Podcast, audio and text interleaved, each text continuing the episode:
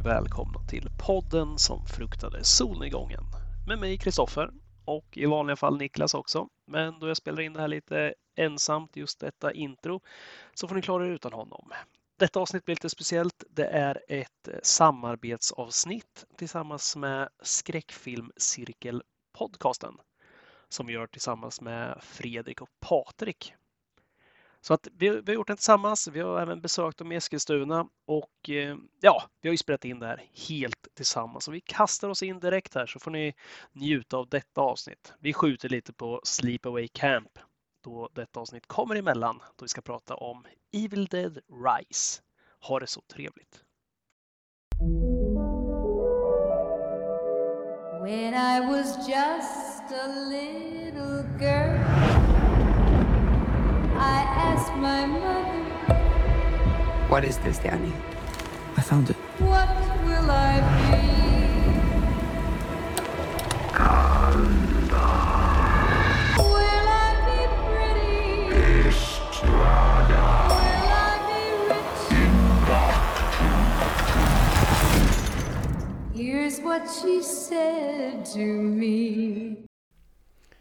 Damer och herrar, välkomna till Skräckfilmscirkeln.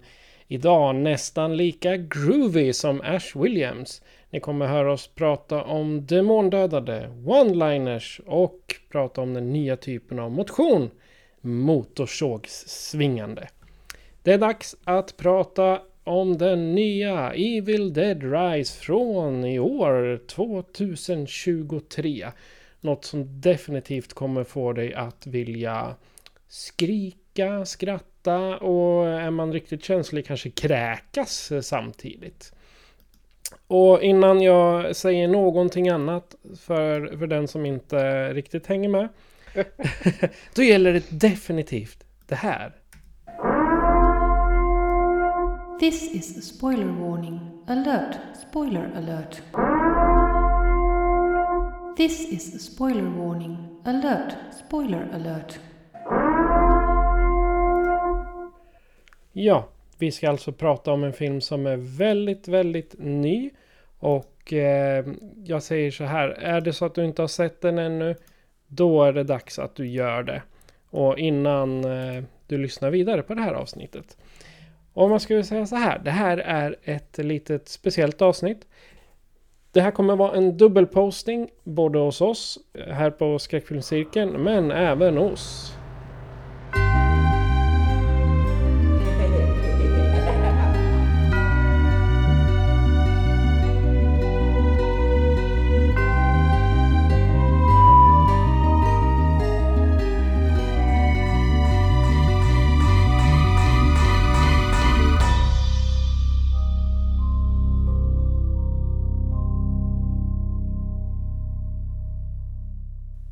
podden som fruktade solnedgången med mm. mig Kristoffer och min kollega Niklas. Hejsan hejsan! Hej och det här är alltid kul. Vi kanske ska, ska vi dra en kort historia om varför vi gör ett avsnitt om Evil Dead Rise nu? Är det någon som vill börja? Nej, men, jag kan ta till orda där. Det är ju lite trevligt för att vi eh, gjorde ju gemensam sak, inte bara här ikväll utan eh, vi gjorde gemensam sak av att se den här filmen. Vi hade en liten eh, dubbeldejt får vi väl kalla det uppe i Eskilstuna. Uppe i, eh, från vårt Linköping eh, betraktat i alla fall. En trevlig dag innehållande skräckfilm, lite öl och lite grillat. Mm. Eh, och, och vi, vi glada vänners lag. Så det var en väldigt trevlig dag tycker jag eh, och säkert min vän Kristoffer också. Ja men absolut, visst var det det. Det var ju skitkul att få ett ansikte på er. Vi har ju sett eh, så här tidigare när vi har kört, eh, när ni har gästat och vi har gästat. Så att, eh, men det var, det var ju svinkul. Och sen lite alkohol på det där och lite skräckfilm. Eh, vad kunde gå fel? Precis. Vad känner du Fredrik? Hur eh, var det? Jag minns ju det här helt annorlunda. Jag minns ju det som att det kom mordhot och liksom som ett krav här. Liksom att nu, nu kommer vi vare sig ni vill det eller inte. Nej då.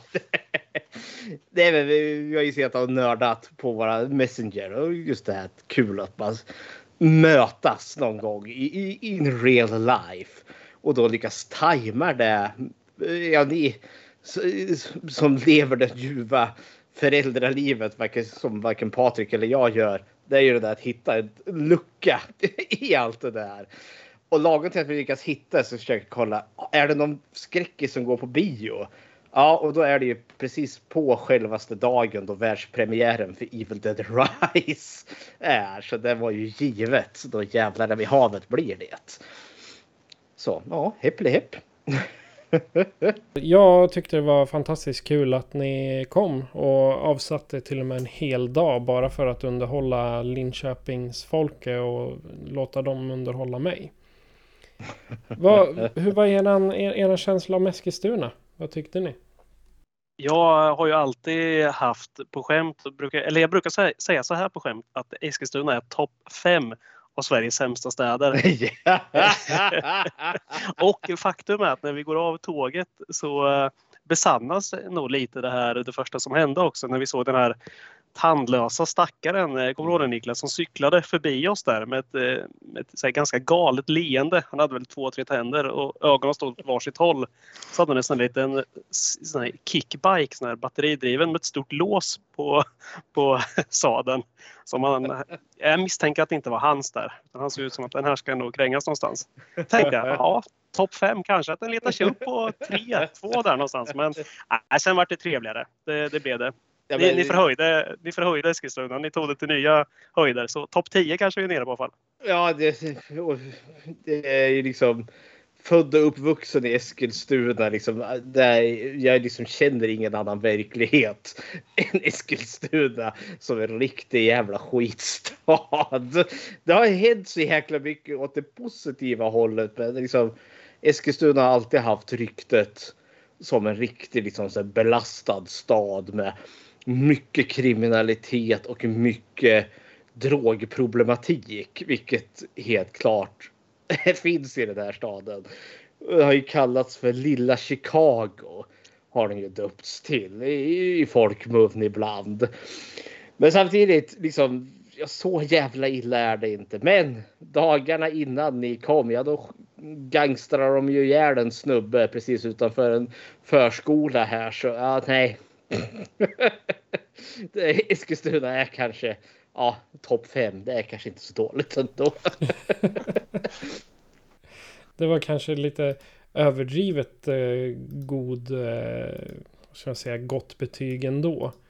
Ja, men vi, vi, leder ju faktiskt statistiken 2023 här med mest antal skjutningar. Så det är alltid något. Stolt stoltserar vi här. Det har ni inte i Linköping va? Ja, men vi, det var ju tur att vi kom där och drog ner skjutningarna lite. För ja, mig vetligen så var det inte en enda skjutning när vi var där. Säga vad man vill om det, men jag säger inte att vi bidrog till det. Men jag säger inte heller att vi var helt eh, obidragande till det. Vi, vi, vi, kan ha bidragit med viss lugn. Det kan vi ha gjort. Vi har den inverkan på människor. Eller av, avskräckande. Ja, det är synd att bilder inte funkar här på Youtube för de här kanonerna. Hade de kommit då. De skrämmer de flesta kan jag lova. Mina I will let these dogs out.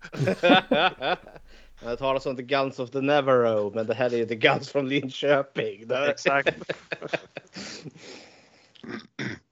då kanske vi ska ge oss in i dagen då.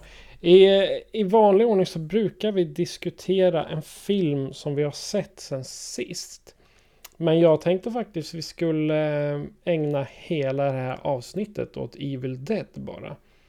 Så istället för att ställa den frågan tänkte jag lämna det öppet för vad är era relationer till just Evil Dead? När mötte du Evil Dead för första gången? Hoff, vad är din Evil Dead origin story?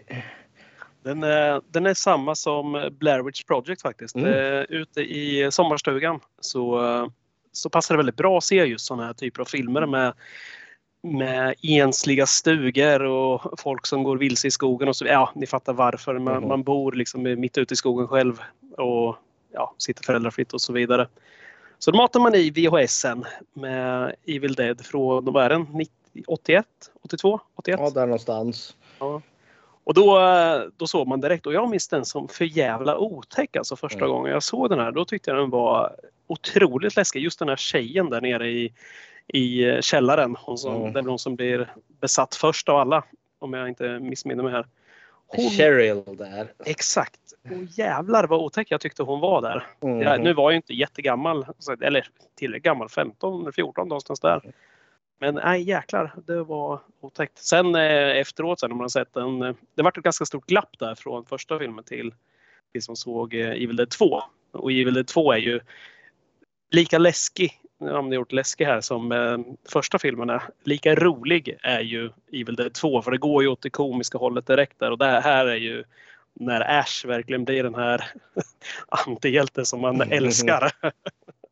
och Så. han verkligen liksom, ja, men han, han blir ju den här kultfiguren. Och sen, sen vidare så såg jag direkt efter också Army of Darkness. Mm. Att det, det, det är den story jag har. Och Niklas då?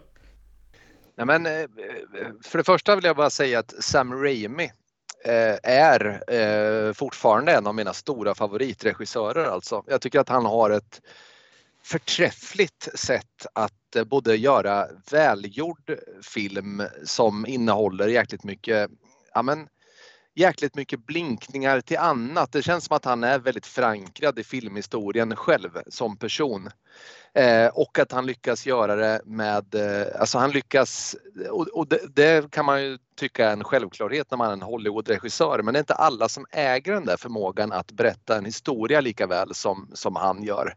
Så där tycker jag han sticker ut. Eh, och vad gäller just Evil Dead, jag är ju säkert som många av er också uppvuxen i en tid då det inte var så lätt att få tag på saker och ting. Utan mycket handlar ju om att någon hade en brorsa som hade en polare som hade en privat, eller piratkopia av en VHS som man kunde komma över med så här svajig kvalitet. Eh, Och Evil Dead var länge för mig en, en, en sägen. Liksom. Den här, det här. Lite så, ja, det är kul att du säger det Hoff, för att eh, Blair Witch Project, även om jag inte såg de här i samma tid, så var det lite samma rykte filmen hade för mig. Alltså lite som om det här hade hänt på riktigt. Det här som att, att någon hittar en bok och släppte lös eh, helvetets demoner. Eh, så att när jag väl såg den där så, så var det eh, med nästan en egengjord marknadsföring i ryggen. Så där. Jag hade liksom målat upp en, en stor bild av den här filmen. Eh, och nej, men den är ju fantastisk. Jag pratar om första filmen för det var den första jag såg. Jag såg dem faktiskt i ordning för när jag väl kom över dem så kom jag över både ettan, tvåan och trean så jag kunde se dem på, på rad. Och eh, ettan är ju, ja men den, den tycker jag är och, och vad jag förstår så är det någon form av studentprojekt ju eh, från Sam Raimi som man bara kan bli jäkligt imponerad av. Jag tänker på kameraåkningen i början och så vidare. Eh, särskilt man undrar nästan hur gjorde de med sin minimala budget? Men jag tycker den är fantastisk och film nummer två också som är lite upp i både budget och humor eh, som du sa ofta. Eh, även om det är lite en, en, av en remake får man väl säga av första filmen.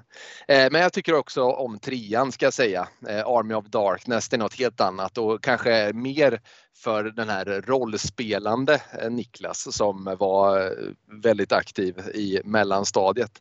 Eh, den filmen var lite mer för den personen hos mig. Så att jag tycker att alla tre originalfilmer har något att komma med. Och jag gillar också remaken ska jag säga, alltså den som föregick den här filmen tyckte jag var riktigt bra. Så att jag har bara positiva saker att säga om Evil Dead i alla dess tappningar. Ja, och som många vet så är ju jag eh, Mr Remake då. Eh, jag har haft en tendens till att se remaken före jag ser originalet. Vilket jag gjorde när det gäller även Evil Dead. Och remaken, jag bara åh det här är värsta grymma filmen. Jag måste se den flera gånger, den är jättebra. Och sen fick jag se originalet och bara oh my god. Nu fuckar den eh, remaken. Den är bara skräp. Den vill vi inte se igen. Utan det, jag har nog sett originalet typ 10 20 gånger eller något sånt där de senaste fyra åren. Det, är- det är en av de här filmerna som när man inte vet något annat då sätter man sig och så njuter man av Ash och Evil Dead och liksom alla one-liners som kommer upp. Så det är en liten snuttefilt kanske man kan kalla det. Något sånt. Eh, Fredrik, har du dragit? Nej, min Evil Dead Origin Story eh, börjar hos en kamrat. Sen är det väldigt likt din Niklas där då. Hos en vän eh, som hade den bandad eh, på någon VHS-kopia där. Eh, men då var det The Army of Darkness som vart min första eh, Evil Dead-film. Och det var med han som introducerade för han tyckte det var liksom en kul action-romp. Och det är ju väldigt mycket mer action fast med lite sprinklad in skräck i form av skeletten och the deadites och allt vad fan det nu är. Och jag kommer ihåg att ja, men det här tyckte jag var kul såklart för det är ju Sam Raimi och han har ju en sån säregen liksom stil. Det är liksom hårdrar man Sam Raimis alltså registil och framförallt i Army of Darkness så är det plot holes som står härliga till.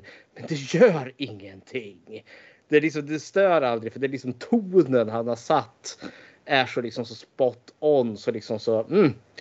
Eh, och Sam Raimi har också liksom verkligen stått för många andra härliga bioupplevelser som Spiderman, eh, första eh, Spindelman-filmen där som kändes som att oh, nu händer det någonting rejält här.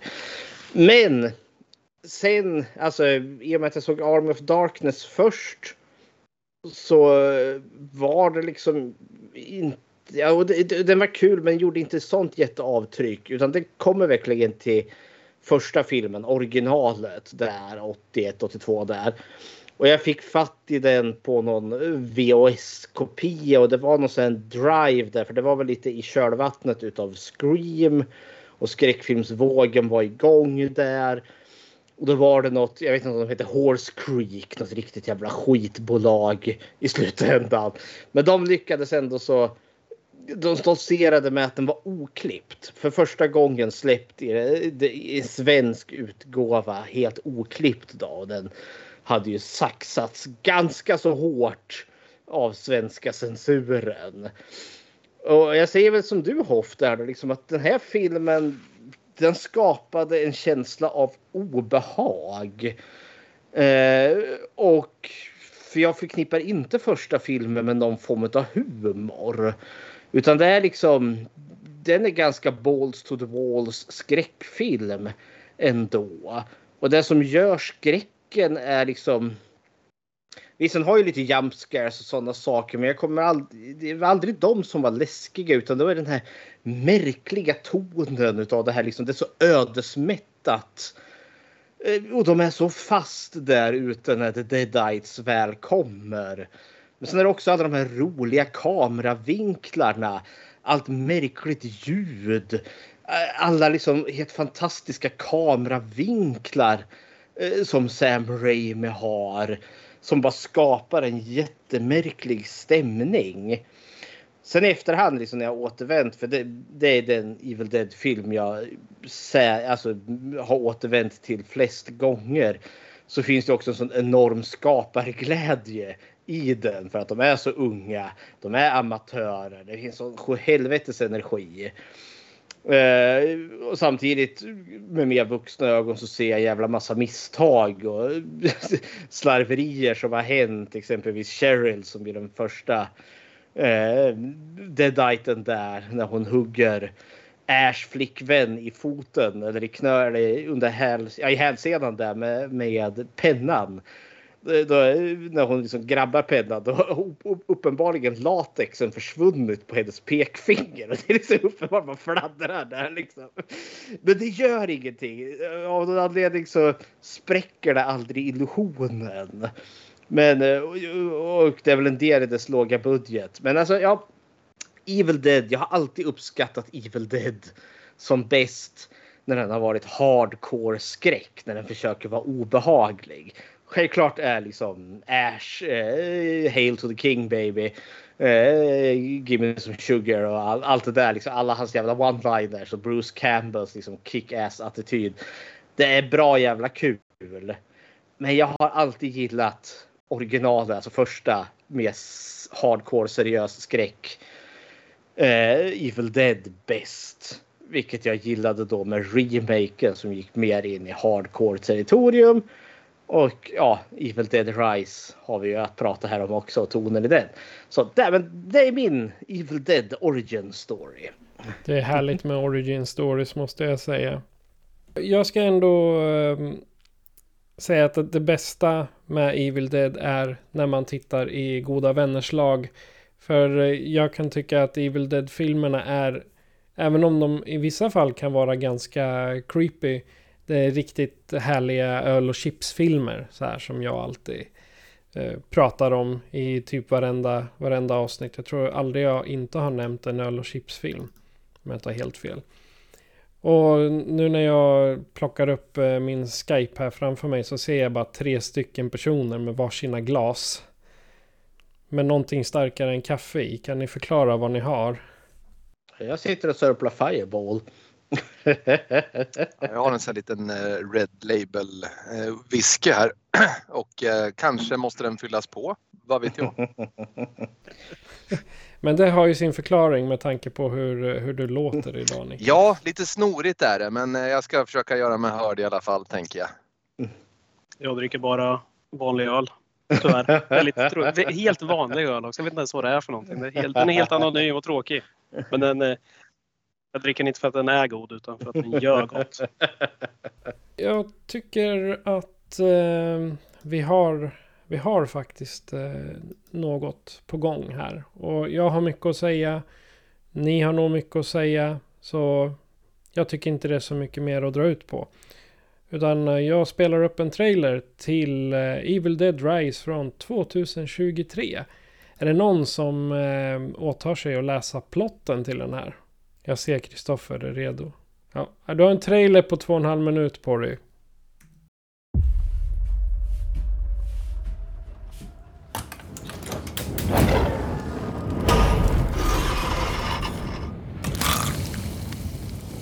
What's up, sis? I had the most beautiful dream. It was the perfect day. And all I could think about was how much I wanted to cut you all open and then climb inside your bodies. So that we could stay one happy family.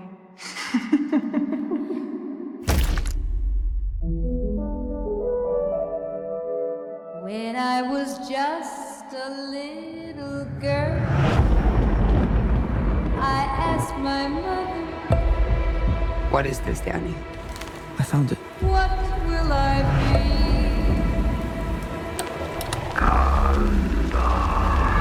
Will I be pretty?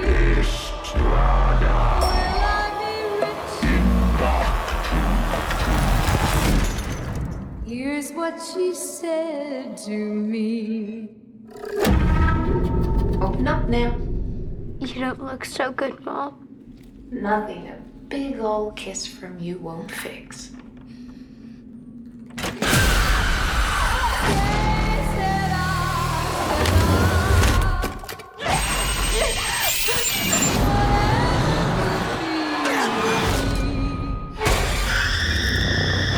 Future's not ours to see. I'm getting us out of here. I promise. You'd be a good mom someday, honey uh, Oh, yeah? Yeah, you know how to lie to kids.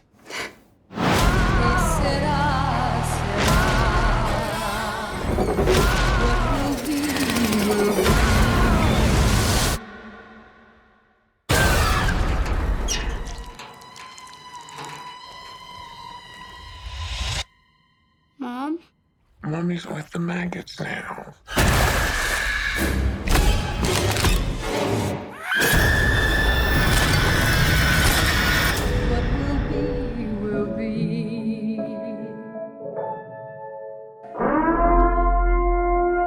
This is a spoiler warning. Alert! Spoiler alert. This is a spoiler warning. Alert! Spoiler alert. Två systrar återförenas, men glädjen blir kort och familjen måste kämpa för sina liv mot de mest mardrömslika demoner som besitter familjen och den ondaste av alla onda böcker, Necronomicon. Spooky spooky. Det är härligt att höra plotten till Evil Dead Rise från i år. Det är excellent. Okej, jag lämnar ordet fritt för eh, ännu en Evil Dead-film. Vad var ina, era tankar när ni fick upp att nu kommer en Evil Dead-film till? Personligen så kände jag väl att, ja men, about damn time.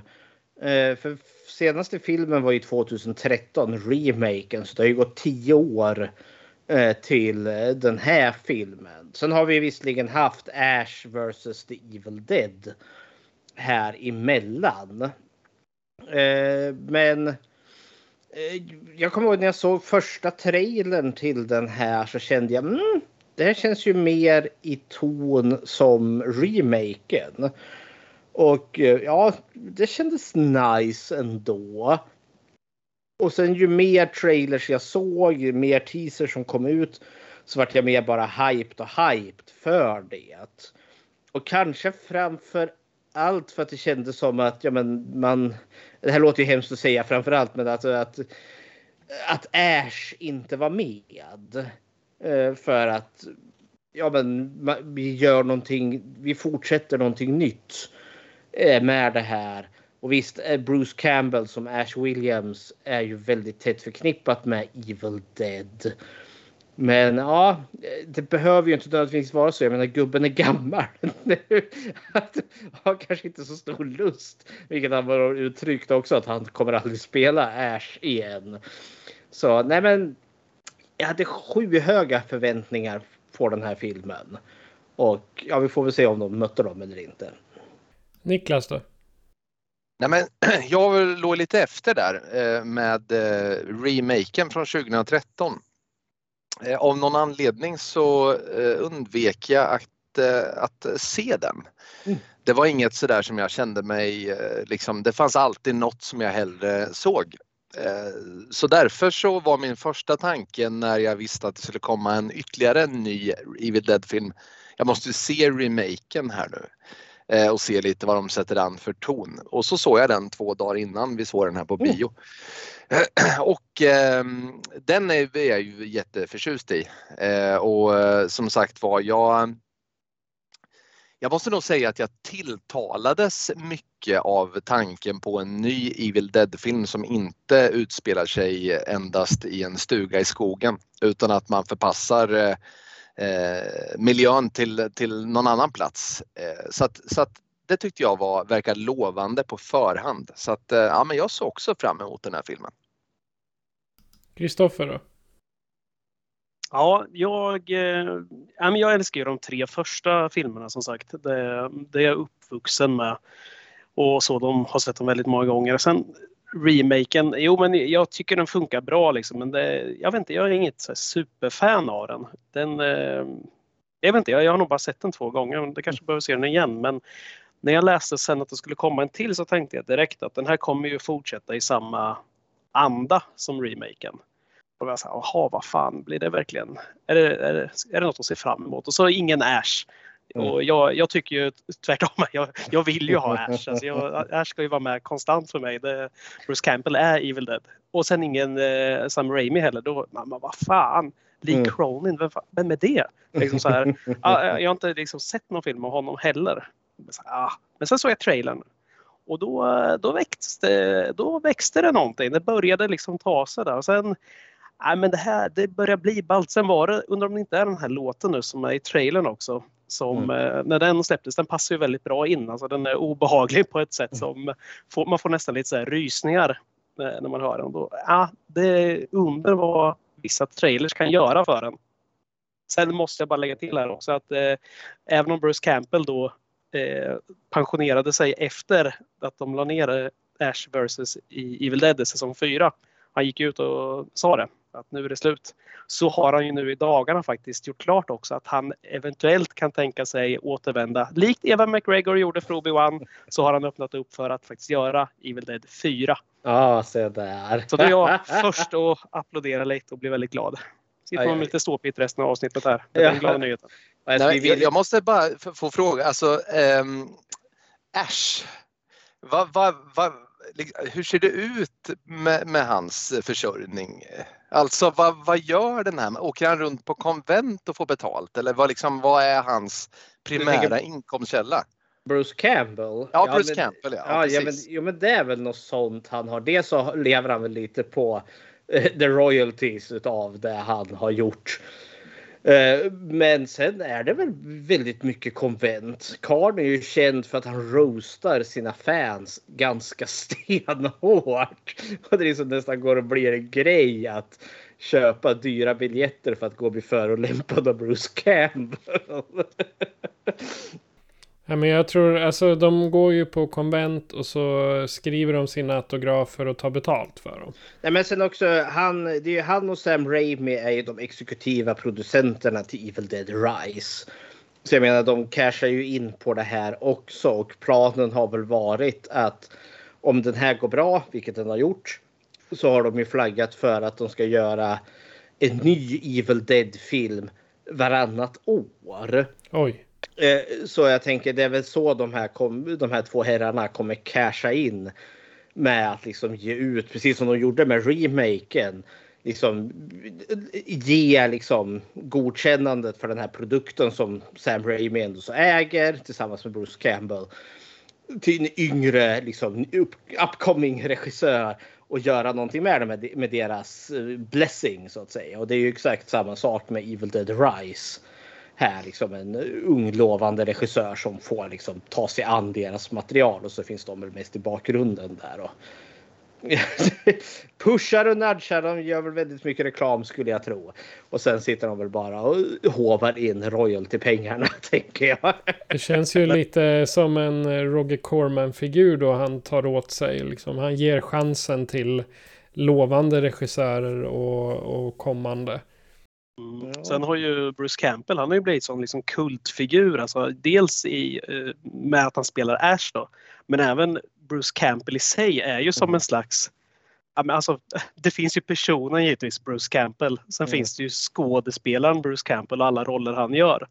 Och den har ju nästan blivit en typ av roll också, alltså en karaktär, alltså den Bruce Campbell. Som man inte riktigt vet, är han verklig eller är han liksom ett eh, är han en roll? För han gör ju Mm. dels Ash, sen har vi ju även eh, Bubba Hotep. Har ni säkert Mm. kanske sett någon av er? En av mina absoluta favoritfilmer. Och, och den, just den typen av film som Bubba Hotep är, det är ju vad Bruce Campbell har gjort sista 15 åren skulle jag säga. Han gjorde den, sen gjorde han den här serien Burn Notice Mm. och även eh, My Name Is Bruce gjorde han som också här, det är ju Mm. såna här riktiga blajfilmer. Sen är Ja. även den här Maniac Cop då, de här gamla. Men eh, ja. Men han har ju gjort lite annat. Han gjorde den här Black Friday som vart lite harpunerad utav eh, covid-restriktionerna. Som känns väldigt mycket som eh, en Evil Dead-film fast det inte var Evil Dead. Utan det var, det var där man for efter då Bruce Campbell spelar en eh, manager på något, eh, ja men ett varuhus under en Black Friday eh, rea där.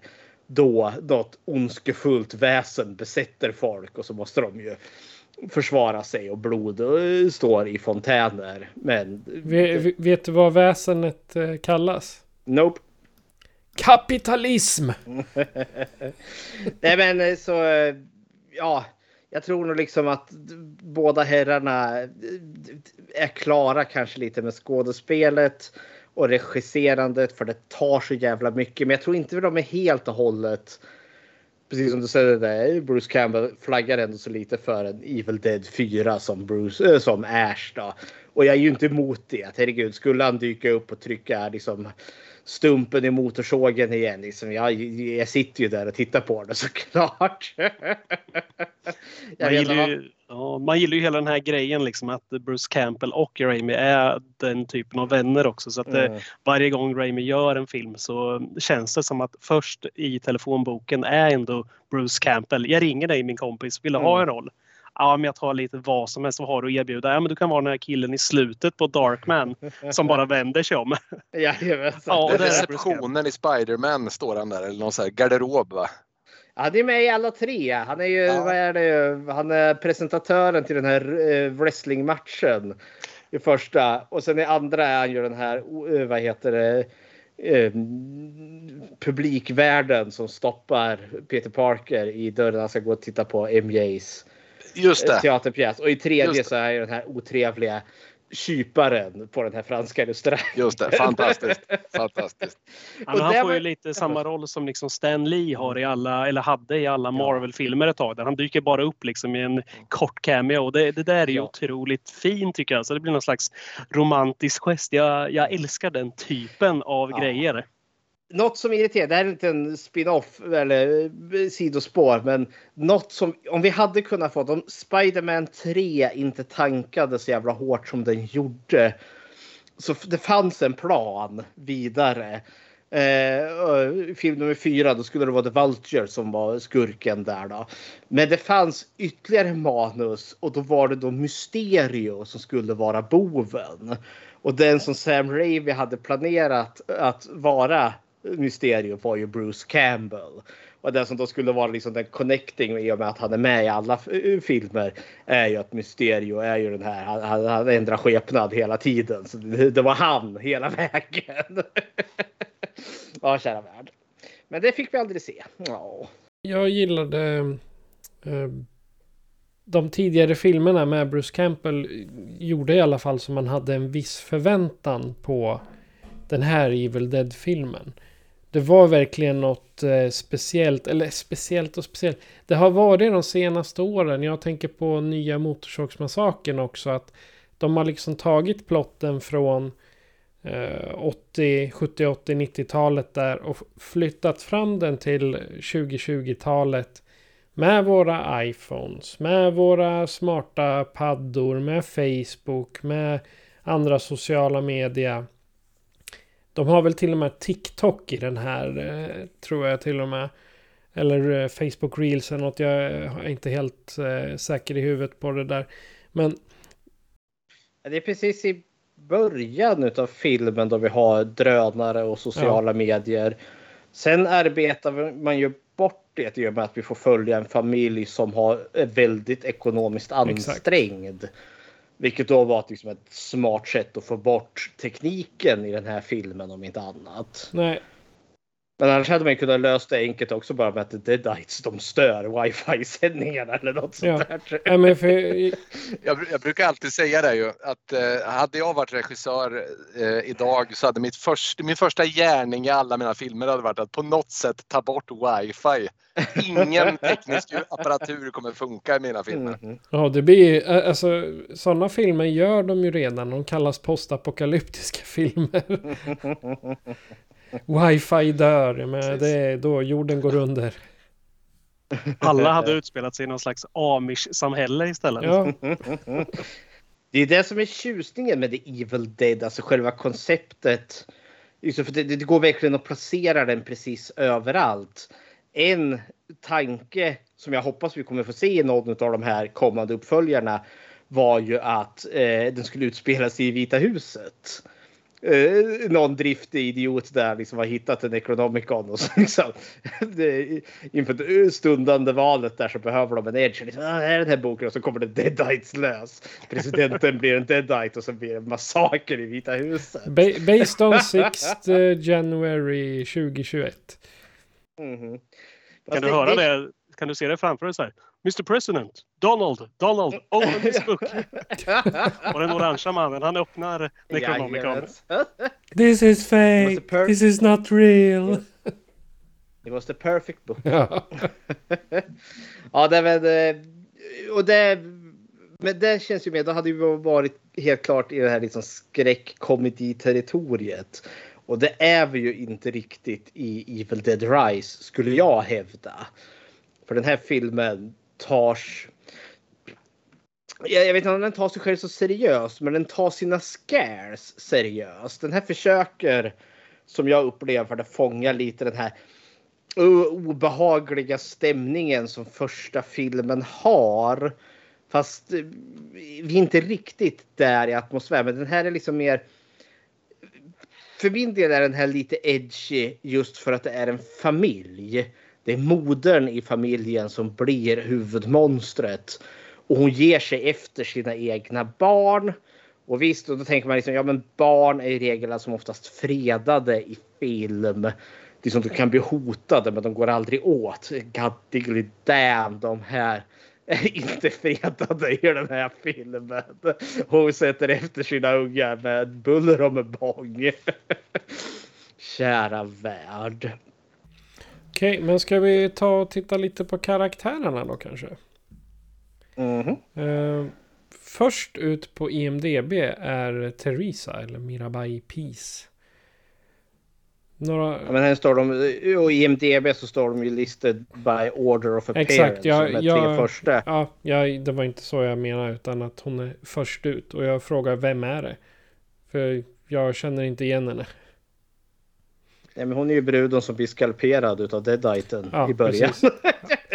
Det var, alltså om man, eh, om man skippar en karaktär där så måste jag säga att det var en jäkla creepy scen. Ja, men om vi tar bara inledningen till Evil Dead Rise. Som vi då kort sammanfattar är ju liksom en åtta minuter lång liten vignett om tre idioter som är ute i en stuga i skogen. En av dem blir en deadite och så går det illa. Eh, v- Vad tyckte ni om liksom själva anslaget den här sätter? Eh, jag är mycket nöjd eh, med inledningen. Det första jag skulle vilja ta upp här det är att säga att jag är mycket förtjust i skräck som utspelar sig i dagsljus. Mhm. Jag tycker inte man ser det så mycket. I alla fall, eller jo det är klart att det finns skräckfilmer där det är dagsljus Mm. men skräckmomenten brukade vara förpassade till, till natten och mörkret. Men jag gillar att det är full insyn i de här vedervärdiga ansiktena. Jag gillar att det är full insyn i allting när hon ligger.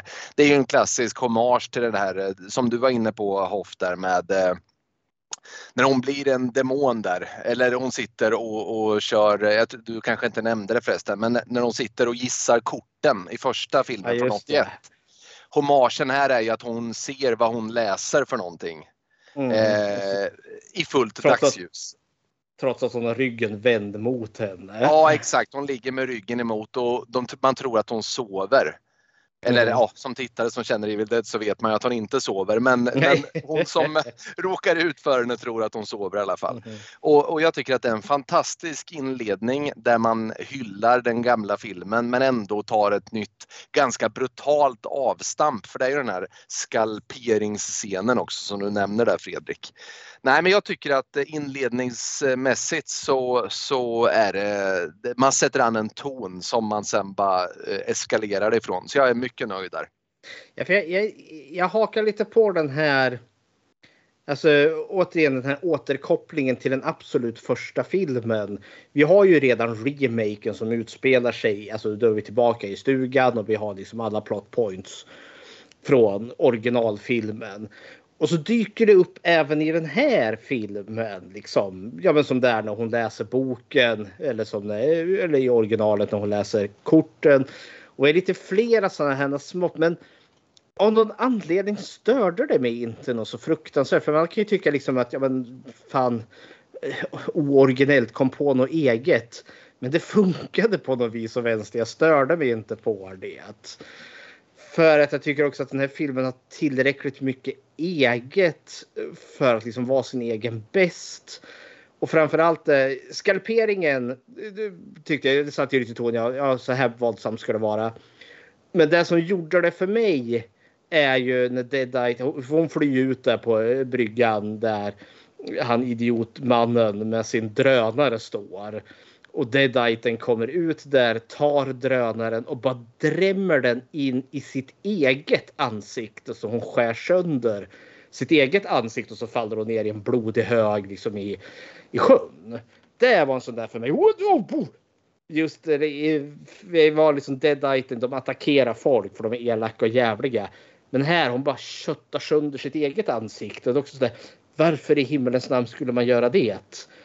Men det, det är någonting nytt ändå. Liksom. Deaditen som helt enkelt bara inte bryr sig. Utan bara är chockerande. Som en kaosbringare. Och det, ja, mm, det, det, det gillade jag. Jag gillar det här eh, återkommande. Eh, du har precis sagt att du tyckte inte de här tillbakablickarna för mycket var, var att du vill ha något nytt där. Men jag, jag gillar ju det här lekfulla som vi pratade om som Raimi har innan. Alltså just de här Mm. kameraåkningar och vinklar. Och du var inne på det Niklas i den första filmen. Den här, hur fan fick han till den här kameraåkningen som Mm. går genom skogen? Och vi möts ju av exakt en sån Mm. här då. Fast man har tagit det till modern tid och lagt Mm. det på med en drönare nu då. Mm. Vilket blir väldigt snyggt och väldigt logiskt också för att det ska utspela sig i nutid.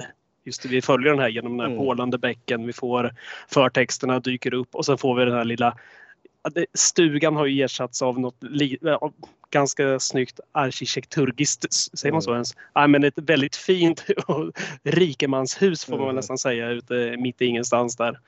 Och, och det där var ju för jävla snyggt. Och så möts vi av Mm. den här riktigt douchiga killen som man, man kan skulle vi suttit och haft ljuset påslaget i biosalen och hade vi kollat på varandra och sagt den där killen, han, han överlever nog inte allt för länge. Och det, gjorde, och det gjorde han ju inte heller. nej, med, med all rätt. Nej, jag ger för det så säga, grejer som återkommer. Som just det här sett ur demonens perspektiv. Det som jagar i skogen. Det har ju funnits med i alla filmer så jag förväntar mig att det skulle vara något. Och där var det ju en kul twist när det visade sig. Jaha, det var inte demonen. Det var drönaren som var ute och flög. Så ja, kul. Sen fick vi lite demonspring i alla fall sen.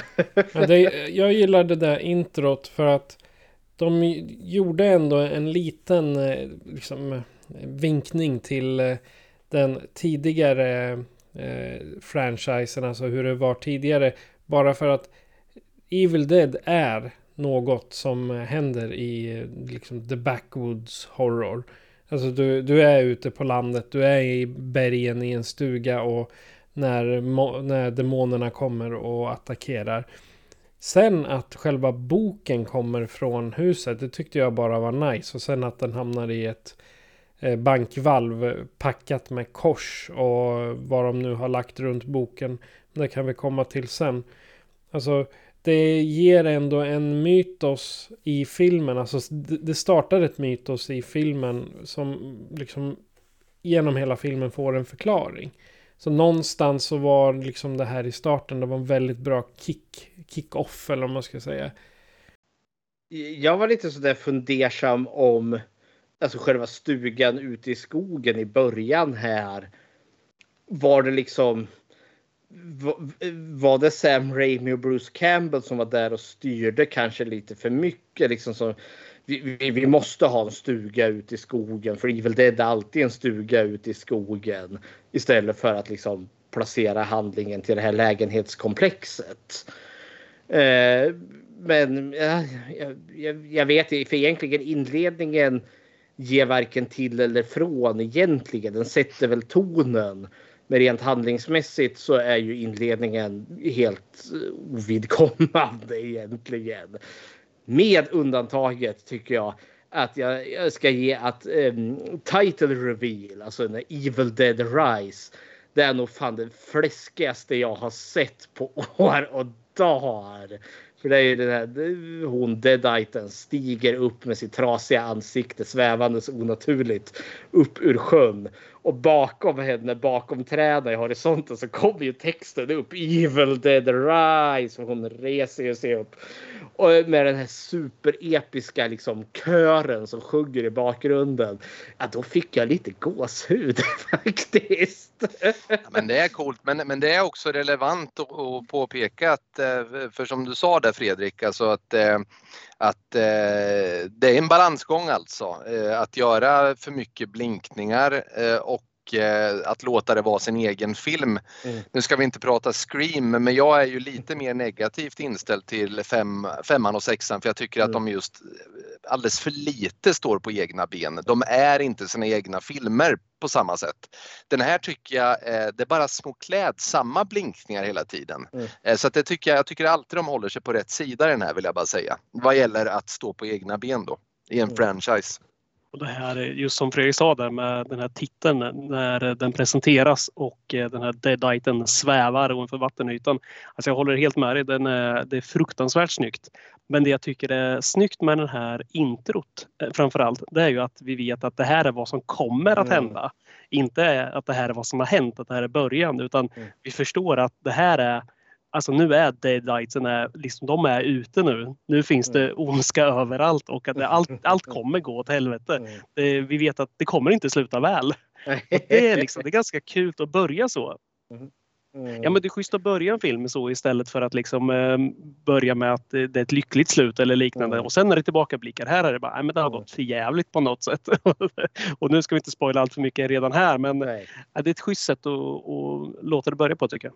Och den sätter ju också tonen direkt liksom att för, för, bara, i och med att Evil Dead är ju ganska spretig liksom i sin genre från liksom hardcore creepy skräck till ren av liksom actionkomedi.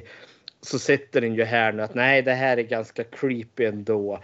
Men vi kommer också att gå hela jävla vägen och lite till när det kommer till det grafiska våldet. För god damn vad den här filmen levererar när det kommer till slasket. Det, var, det, det är en sak som jag absolut kommer minnas ifrån eh, när vi satt i biosalongen.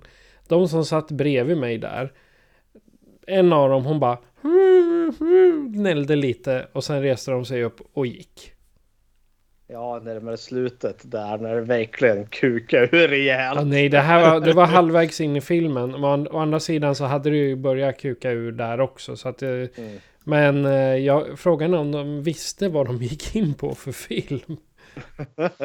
jag tror inte det, för jag reagerade också på det. Liksom, det, det är inte ofta jag ser liksom någon som lämnar en biosalong. Men jag kan förstå att är det liksom inte riktigt, ja men vi fyra liksom skräckfilmsidioter här, ganska härdade ändå. Och kan liksom ändå så tycka, precis som du beskrev Patrik, en öl och popcornfilm. Att ja, vi skulle nog kunna tycka att det här är, men för den som är helt otränad och min stackars mamma skulle komma, alltså hon, hon skulle vara förstörd efter den här filmen. De skulle inte klara av att hantera den här nivån av våld som den här filmen levererar. Det var ju ett yngre par, eller medelålders par där som satt bredvid oss Patrik också. Ja. För jag kommer ihåg att du, vi kollade på varandra och så sa du så här, mesar. Ja. När de gick ut där. Jag skrattade lite. Men det roliga var ju där liksom att man, eh, jag tror inte det här var tanken när de gick ut en fredagkväll och Mm. skulle titta på filmen. Jag skulle säga så här att det, det finns olika kompatibla filmer för ändamålet hur man vill sluta en fredagkväll som par. Mhm. Och jag skulle säga att Evil Dead Rise kanske inte är 10 av 10 i liggkompabilitet riktigt. Speciellt inte om man går ut efter halva. Eller så var det just det det var kanske. Vad, vad vet jag vad de gjorde Nej, men för, att, för valet att gå på skräckfilm om man nu ska ha en dejt, det är ju inte fel. Men Nej. det här var fel skräckfilm, så kan vi Ja, säga. Då är det lite mer kanske den, eh, ja men typ som den fantastiska franchise ni håller på att gå igenom i eran podd, som The Conjuring. Det är ju mer så här, ja men då, då kan man sitta och kramas varandra lite i det läskiga biomörkret när eh, demonen undan hoppar fram och säger något elakt. Mm. Det är liksom mer rimligt. Men här liksom när vi har en ondskefull demon som liksom äter glas och sväljer det. Att man ser liksom glasbitarna stripa upp liksom demonens strupe vart efter de sväljer det. För att hon har ju maskar i magen och de måste ju dö. Liksom, God damn! God damn!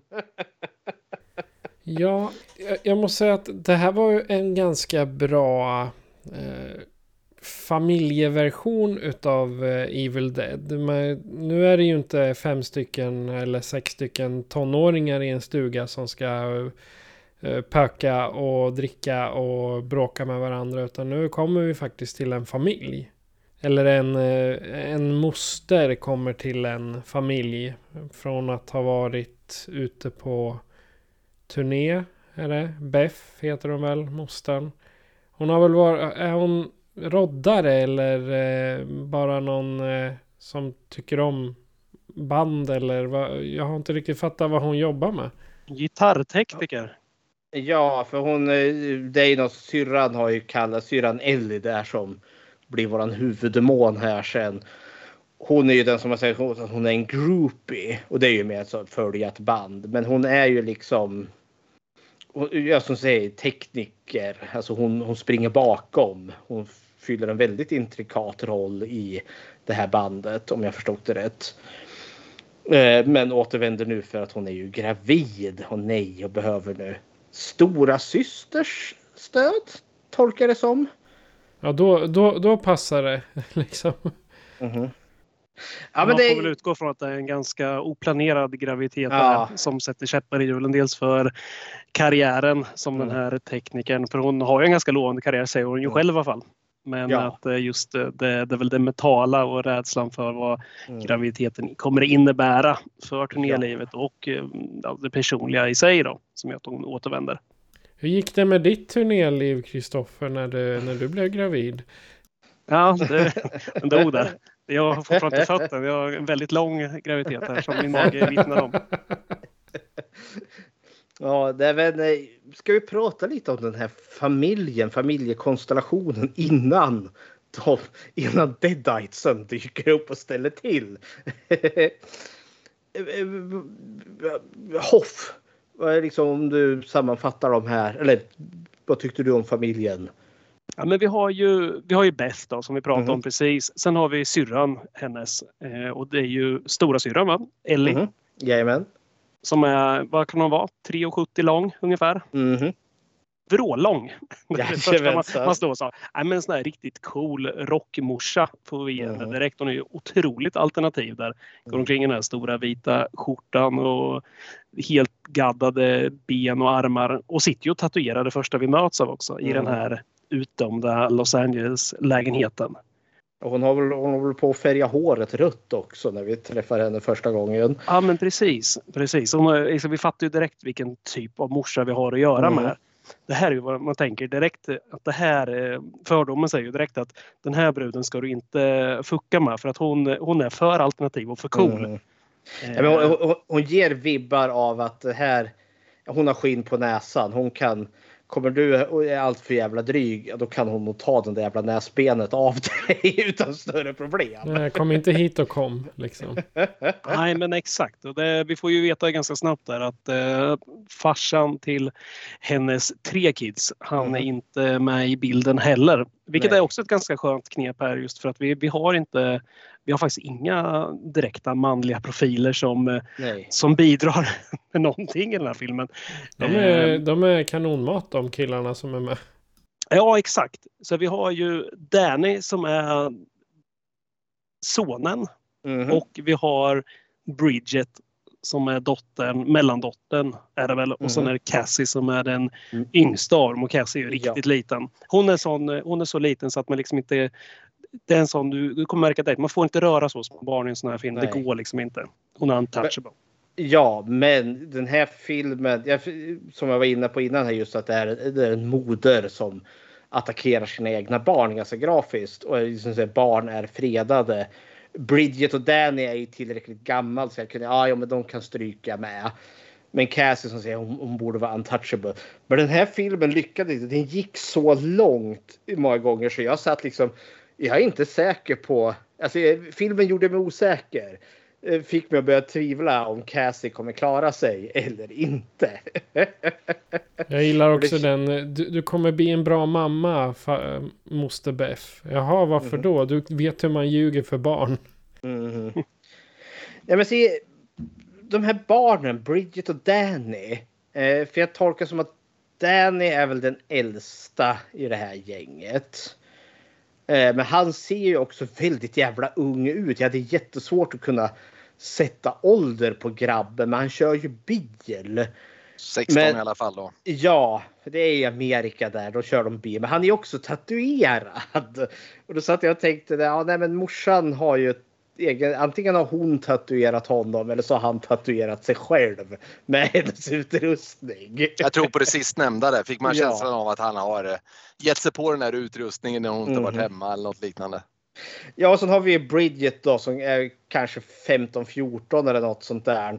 Och hon kändes ju lite som det här liksom, ja men eh, hon som eh, för den feministiska kampen liksom ut och protestera mot Eh, allt vad orättvisa heter. Och sen minstingen Cassie, vad kan hon vara? 10 eller något sånt där som Max. Eh, Max, ja men som mm. är liksom har superfantasi. Eh, hon går liksom med vad heter det, fjärilsvingar och sen har hon ju eh, Stephanie, staven, där som ska skydda henne mot allt ont, vilket kommer få en avgörande roll sen i en väldigt intensiv scen. Morgan Davis är 22. Bara mm. för att berätta den verkliga människans. Mm. Han är ingen deadite. Jag, dubbel, jag dubbelkollade det. Men han såg yngre ut. Men det känns alltså. Jag, jag har ju sett den här filmen två gånger nu. Eh, och jag kommer ihåg första gången jag såg den här tillsammans med er. Då vart jag lite så här. Mm, för vi får ju liksom att det är en familjedynamik som är lite så här. Nah, Danny som står med sina musik, han spelar sina LP-skivor och liksom bara dunkar, dunkar, dunkar, liksom bara vrålar ut musik. Eh, Bridget som är det här liksom eh, tonårsrevoltsbruden och sen Cassie som liksom är huvudet upp i det blå liksom studsar omkring och sen morsan eh, som verkar upptagen med att färga håret. Jag känner liksom, ska vi få en dysfunktionell familj? En familj som liksom eh, är otrevlig. Men jag upplevde aldrig att de var då. När jag såg om den igen så hade jag liksom inte alltså det här första intrycket utan jag visste ju vad som komma skulle. Och upplever att det är en ganska kärleksfull familj men en, också en familj som är tilltufsad i kanten. Eh, för det slog mig liksom hur, hur pass jag gillar den här liksom att porträttera en familj som inte är den här liksom helylle bananfamiljen som ska bli hotad av det ondskefulla eller den superdysfunktionella vidriga familjen som är liksom som jag inte ska bry mig om eh, när, när de väl åker på utan en relativt realistisk familj. Det är en väldigt jag... amerikansk familj trots att de inte är de, från, från Nya Zeeland allihop. Ja, exakt. De är ju det, men eh, alltså det, det, det, framställs som en väldigt amerikansk familj. Ja, men den utspelar sig i Kalifornien, ja. så den ska ju vara i Amerika. Ja, för det, där är ju också folk som bor på rivningskontrakt, vilket mm. det är där de bor på. Och jag menar, det är ett under att det där huset inte har blåst omkull i senaste stormen. Jag gillade just den här familjen för att den känns den känns realistisk och deras situation är också det som påverkar situationen. Att de är fattiga, eller ja, urfattiga. De är väl inte urblottade, men de är liksom... De är låginkomsttagare. Ja, det är de och det är lite av en... Ja, till varför liksom Danny, det är han som kommer hitta boken. Eh, där sen. Som blir en liten springande punkt för han säger ju att mamma behöver ju pengar och den här märkliga boken. Det kanske finns något värdefullt i det. Mm, och jag köper det. Eh, det, det, här är mina praise till familjen. Men ni kanske känner annorlunda. Vad tyckte ni om familjen som stort? Nej, men jag är lite inne på samma linje där. Alltså jag får ju inte alls känsla. Ja visst absolut eh, kantstött eller tilltufsad i kanten, det är den ju. Eh, farsan har ju stuckit. Mm. Eh, man vet, får ju veta väldigt lite om pappan. Mm. Det som gör fallet så stort när väl eh, förbannelser börjar, eller besvärjelser börjar läggas är ju att man får intrycket av att det är mamman som är den stora tryggheten i den här mm. familjen. Fattig må hända eh, och, och, och, alternativ må hända men jag upplever henne som en väldigt så här, kärleksfull mor. Man har liksom förtroende för att hon kan rodda den där familjen även om det blir på hennes ja, lite annorlunda vis då med mm. tanke på omständigheter och rivningskontrakt och så vidare. Men fallet blir ju enormt eftersom det är just den här mamman som kanske är den enda tryggheten den här familjen har. När det är hon som, som så att säga blir som förbytt, ja men då blir mm. fallet väldigt långt. Så är det ju. Mm. Jag är helt med på det tåget för jag, jag, hon är klippan som liksom står stadigt när det stormar och det är därför Beff liksom avbryter sin turné där och åker till syrran för nu befinner hon sig i en kris, en personlig kris. Och, så, och det är kanske det som jag tycker är lite den här nerven, att det är just hon, hon som är den här trygga punkten som alla ser upp till. Vi tar bort henne och gör henne till hotet. Och liksom inte ett hot, det går inte att resonera med det här hotet för det är så jävla oresonligt och så skadeglatt. Det är det som är grejen. Vi går från den här liksom skyddande personen som kanske är tough men fair och loving till något som är sjukligt sadistiskt och elakt som tar glädje i att plåga sina egna barn. Det blir liksom som oh, jag har varit obekväm ska jag vilja ja, Det är ju inte bara det att hon vill ha ihjäl barnen utan mm. hon, vill ju göra en, en helvetisk process av det här mm. också. Eh, ja. Det är mycket det, vad som kommer ur hennes mun till sina barn som mm. gör det. Alltså en sak att hon vill ha ihjäl dem, alltså bara jagar efter dem, men det är ju de här deaditesen, de är ju väldigt fula i mun. De är ju det.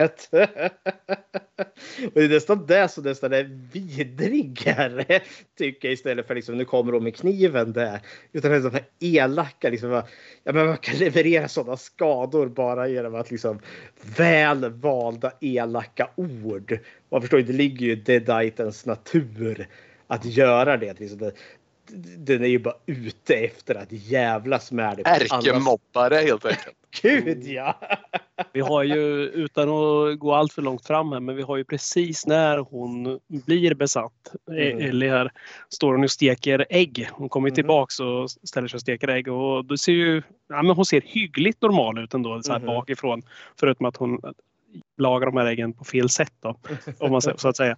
Eh, och då börjar hon ju berätta saker och det där liksom berättelsen den, den är schysst liksom från början så här. och den blir ju bara värre och värre liksom. De berättar vad hon ska göra där och allting. Ja. De här. Och då, det, ah, då är det obehagligt. Men det är också det som att det är så för, ja, för den scenen sticker ju också ut. Eh, jag gillar den jättemycket för att den är så creepy. Och just som du säger den här berättelsen, för jag tror hon liksom verkligen säger, hon, hon börjar liksom med hur hon älskar dem så otroligt mycket. Och så slutar det liksom att ja, men hon, hon säger något i stil med att hon vill, hon vill skära upp dem. Öppna upp deras kroppar med, med en kniv så hon kan krypa in i dem så att vi alla kan leva i ett. Och det är också så här, nej, vad säger du människa, det här är för vidrigt. Vilket är också liksom en foreshadowing över vad som komma skall i filmens tredje akt. hur, hur kommer barnen må efter en sån här händelse? Men å andra sidan så är det bara ett barn kvar.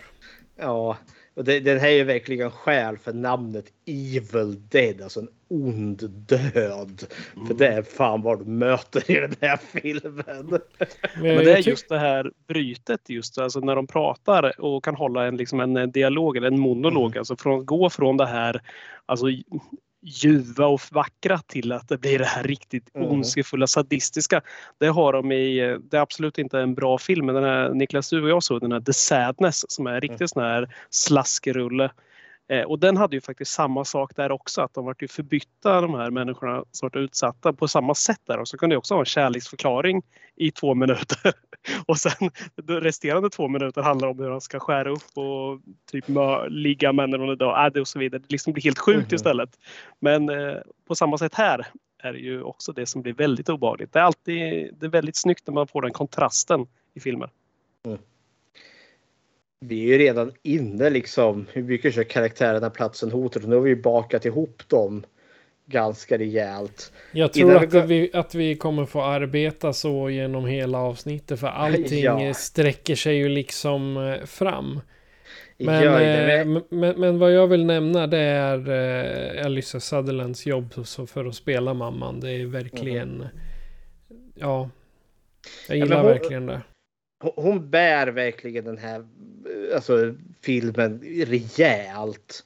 För hon, jag köper mig, alltså hon, hon, hon, kan verkligen spela den här båda också, den här tuffa eh, tatuerarmorsan som liksom är tuff men kärleksfull till det här förfärliga monstret hon blir sen.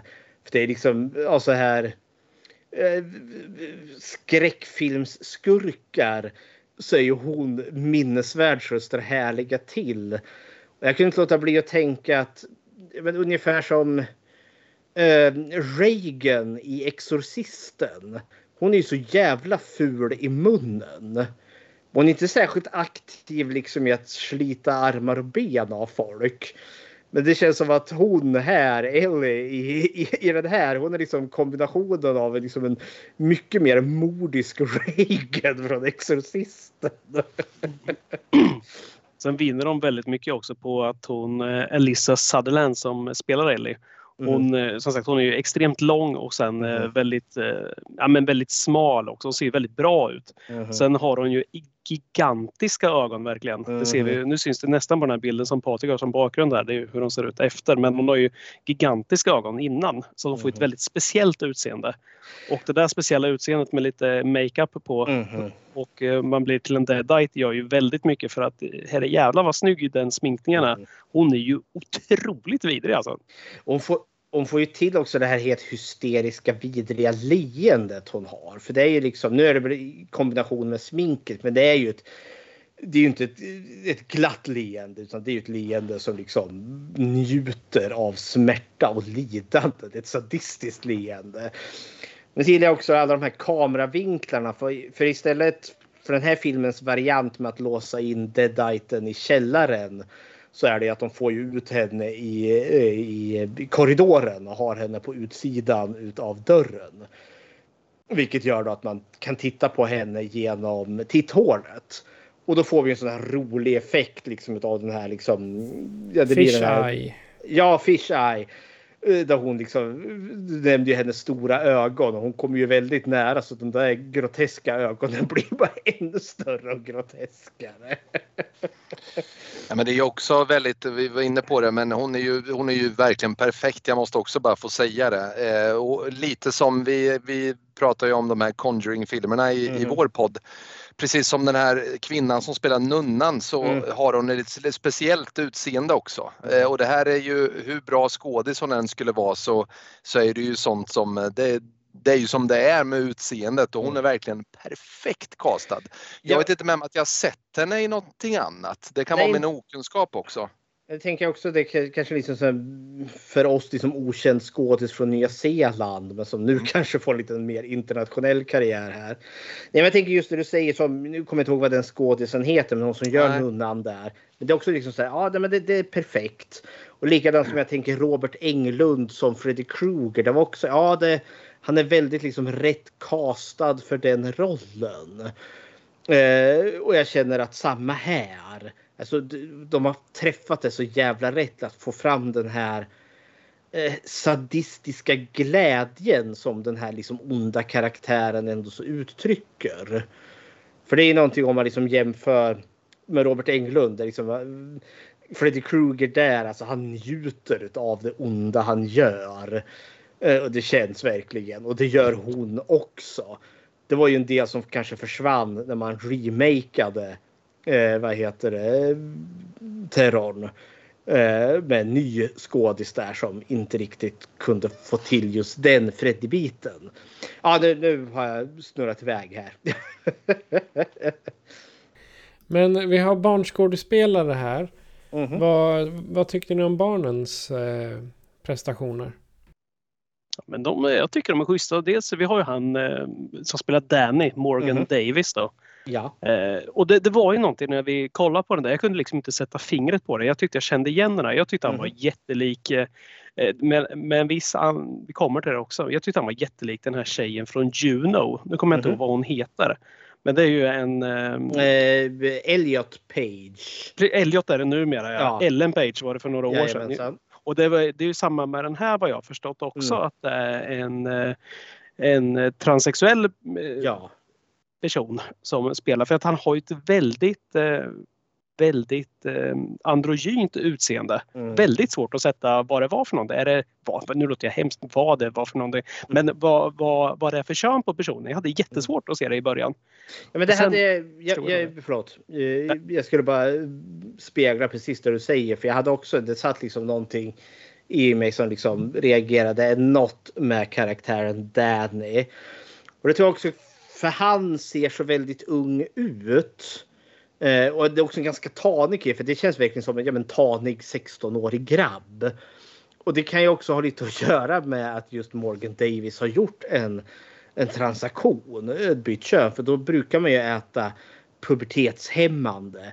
Vilket gör ju att Morgan kanske ser yngre ut än uh, vad han egentligen är. För liksom, han har lite tid att liksom komma igen sig i, i, i, i, i hormonerna så att säga. Eh, för, för jag gillade just bara om man liksom spinner på utseendet på honom just för att han såg som den här taniga tonårsgrabben. Eh, och jag kände så också så autentiskt. Han har liksom den här för stora eh, t-shirten på sig också liksom eh, alldeles för stora eh, shorts på sig som jag liksom var orolig han kommer tappa dem när som helst. han är liksom en skradig tonåring. Eh, men också det här liksom vita blonderade håret som han har klippt själv antar jag. Ja, men det, det kändes väldigt liksom släpig liksom tunn tonåring. Vilket också gjorde att han kändes lite skör. Vilket också liksom när eh, Deaditesen väl klämmer dit han eller mördar honom så kände jag också åh nej men oh, det gjorde så ont. Han hade inte så mycket att sätta emot. Det, det var den känslan jag, jag fick där. Nej, och nu tror jag ingen av oss. Jag är en stor tjockis på typ 130 pannor och jag är helt övertygad om att Deaditesen hade ju lyft mig på en rak arm och kastat ut mig genom fönstret utan problem för de är övernaturligt starka. Men ändå. Just han, han såg så liten ut så det känns som att han hade ännu mindre att sätta emot. Det är inte liksom Bruce Campbell med sina eh, gubbkilon på kroppen som kan liksom ha en liten punch till när han slår tillbaka.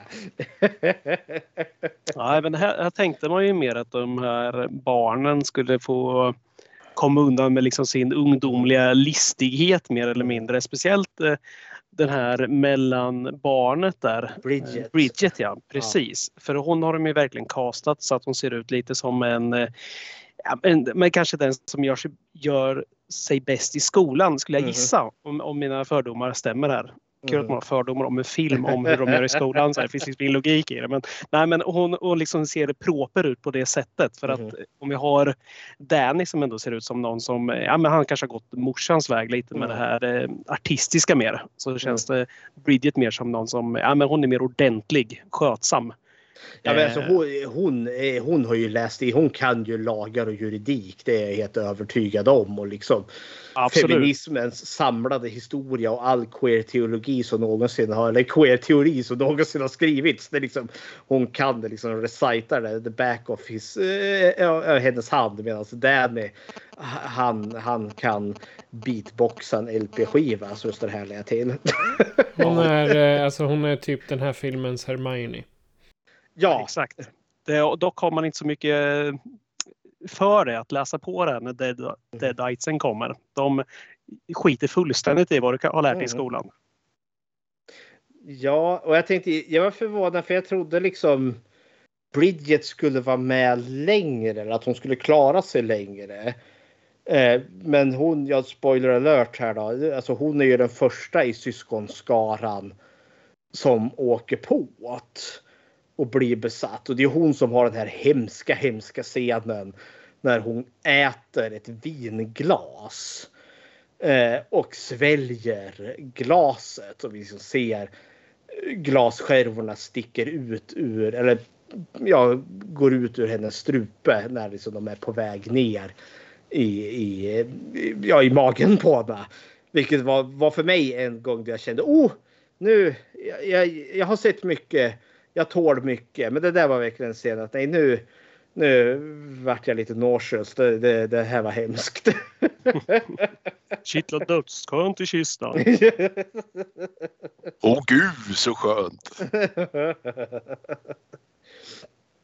Kära värld. Ja, den är tuff den scenen alltså. Den, är, den är magstark. Jag brukar tåla mycket men den mm. var, det, det var, och den var inte så där rå. Jag hade inte så mycket problem med just det här alltså att det är glas som skär genom hud och sånt. Men just det här alltså tänder mot mm. glas. Det är, något, det, det är lite som när Quint drar sina naglar mot griffeltavlan ja. i Hajen. Alltså det, är sån här, det, det, är obehag på ett annat sätt.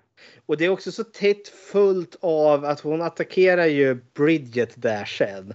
Och som vapen hon får tag i är ju rivjärnet, alltså man river ost med. Eh, och som hon bara drar liksom rakt på vaden på Bridget och så drar hon ju en slice precis som man river ost. Men istället för att det är ost så är det ju Bridgets vad som bara sliceas upp där. Och det var också sådär, nej usch! då, då, filmen bara levererar våld helt plötsligt. Ja, man, man, satt, man satt mest eh, så här. ah, ah Ja. genom hela filmen. Det var mycket som gjorde ont alltså. Jag, jag är med på det här, liksom, just våld som gör ont. För jag menar hur många fredagar den 13 filmer har jag sett liksom, där någon vänder sig om och där står Jason och så bara klyver han personen från gässan till skrev i ett enda hugg så personen faller i två bitar. Det, är ju bara roligt. Det, är liksom, det gör ju inte ont. Men när hon drar det här rivjärnet över vaden, då också så här, ah, nej, nej, nej, nej, oh. Ja, den är ond. Men man Ja. gillar ju jag gillar väldigt mycket det här eh, när det finns vapen som kanske inte är vapen. Alltså så här, som ligger omkring. Det eh, jag kom, tänker på Pulp Fiction direkt när vi har Bruce Willis karaktär här. när Han ska rädda Marcus Wallace Mhm. eh, från eh, Zed och The Gimp. När han byter upp sig som i ett sant dataspel där Ja, han går förbi det här baseballträet, motorsågen och sen fastnar han på det här eh, där. Det och det är liksom lite samma grej här. Liksom. Man greppar det man får tag i. Liksom. Och, det, och det blir väldigt roligt. Och i, i skräckfilmer just så hör det ju till. Alltså, vi har ju sett det i både i Brain Dead, Night of the Creeps när de går lös med den här eh, gräsklipparen. Just handjagarna också. Det är det som är det roliga. Så att, Ja. nej, det är kul det. Och det är också det här liksom som med ett rivjärn. Visst, ge tillräckligt mycket tid så kan du väl slå ihjäl någon med ett rivjärn. Men det är liksom inte ett vapen du dödar någon med. Utan det är verkligen mer du skadar. Och likaså med Danny. Han blir ju knivhuggen till döds förvisso.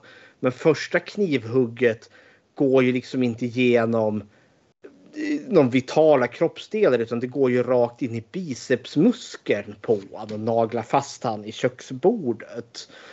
Och det är också sådär liksom, oh, liksom otroligt grafiskt och det är inte det här liksom hugga snabbt utan eh, hon, han har ju henne ovanpå sig där och så musklar hon ju ner kniven liksom långsamt så man liksom ser spetsen går in i biceps och sen kommer den ju ut på andra sidan liksom och naglar fast den.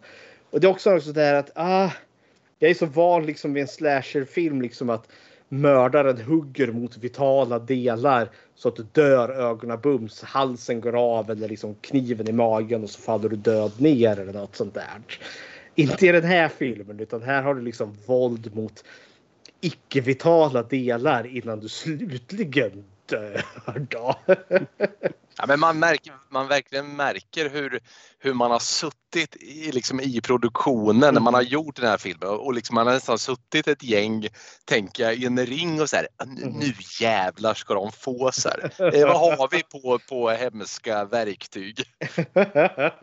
och samtidigt har vi ju, vi har ju massakern ute i trapphus eller i, i hallen där, där de lyckas få ut Ellie där.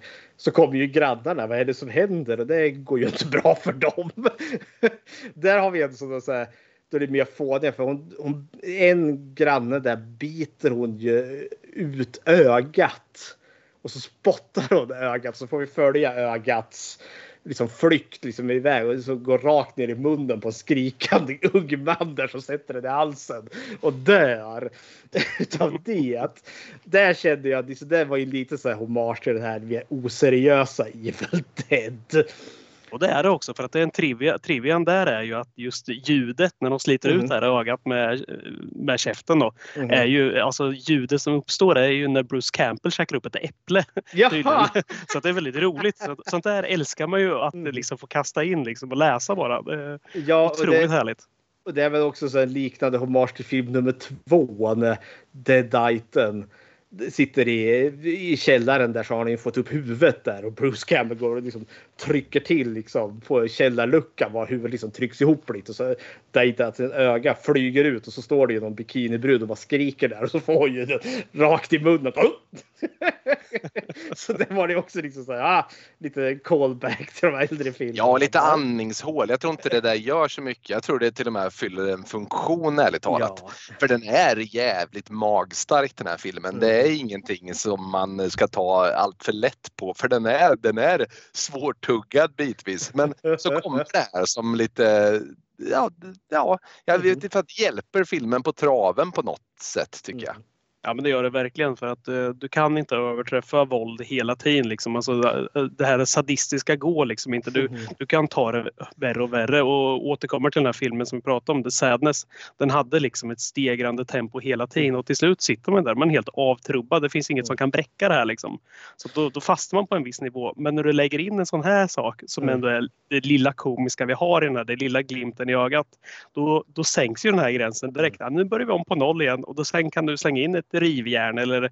en sax upp i näsan på någon och så vidare. då är det liksom, ja, nu är jag igång igen. Nu blir jag chockad ja. på nytt. Och jag gillar också för den här, den kör ju inte bara chockvärdet. Även liksom när den väl kör våld, då kör den våld så står det härliga till. För den har ju lite det här conjuring creepiga också. Som exempelvis när de håller på att bli besatta och de säger läskiga saker.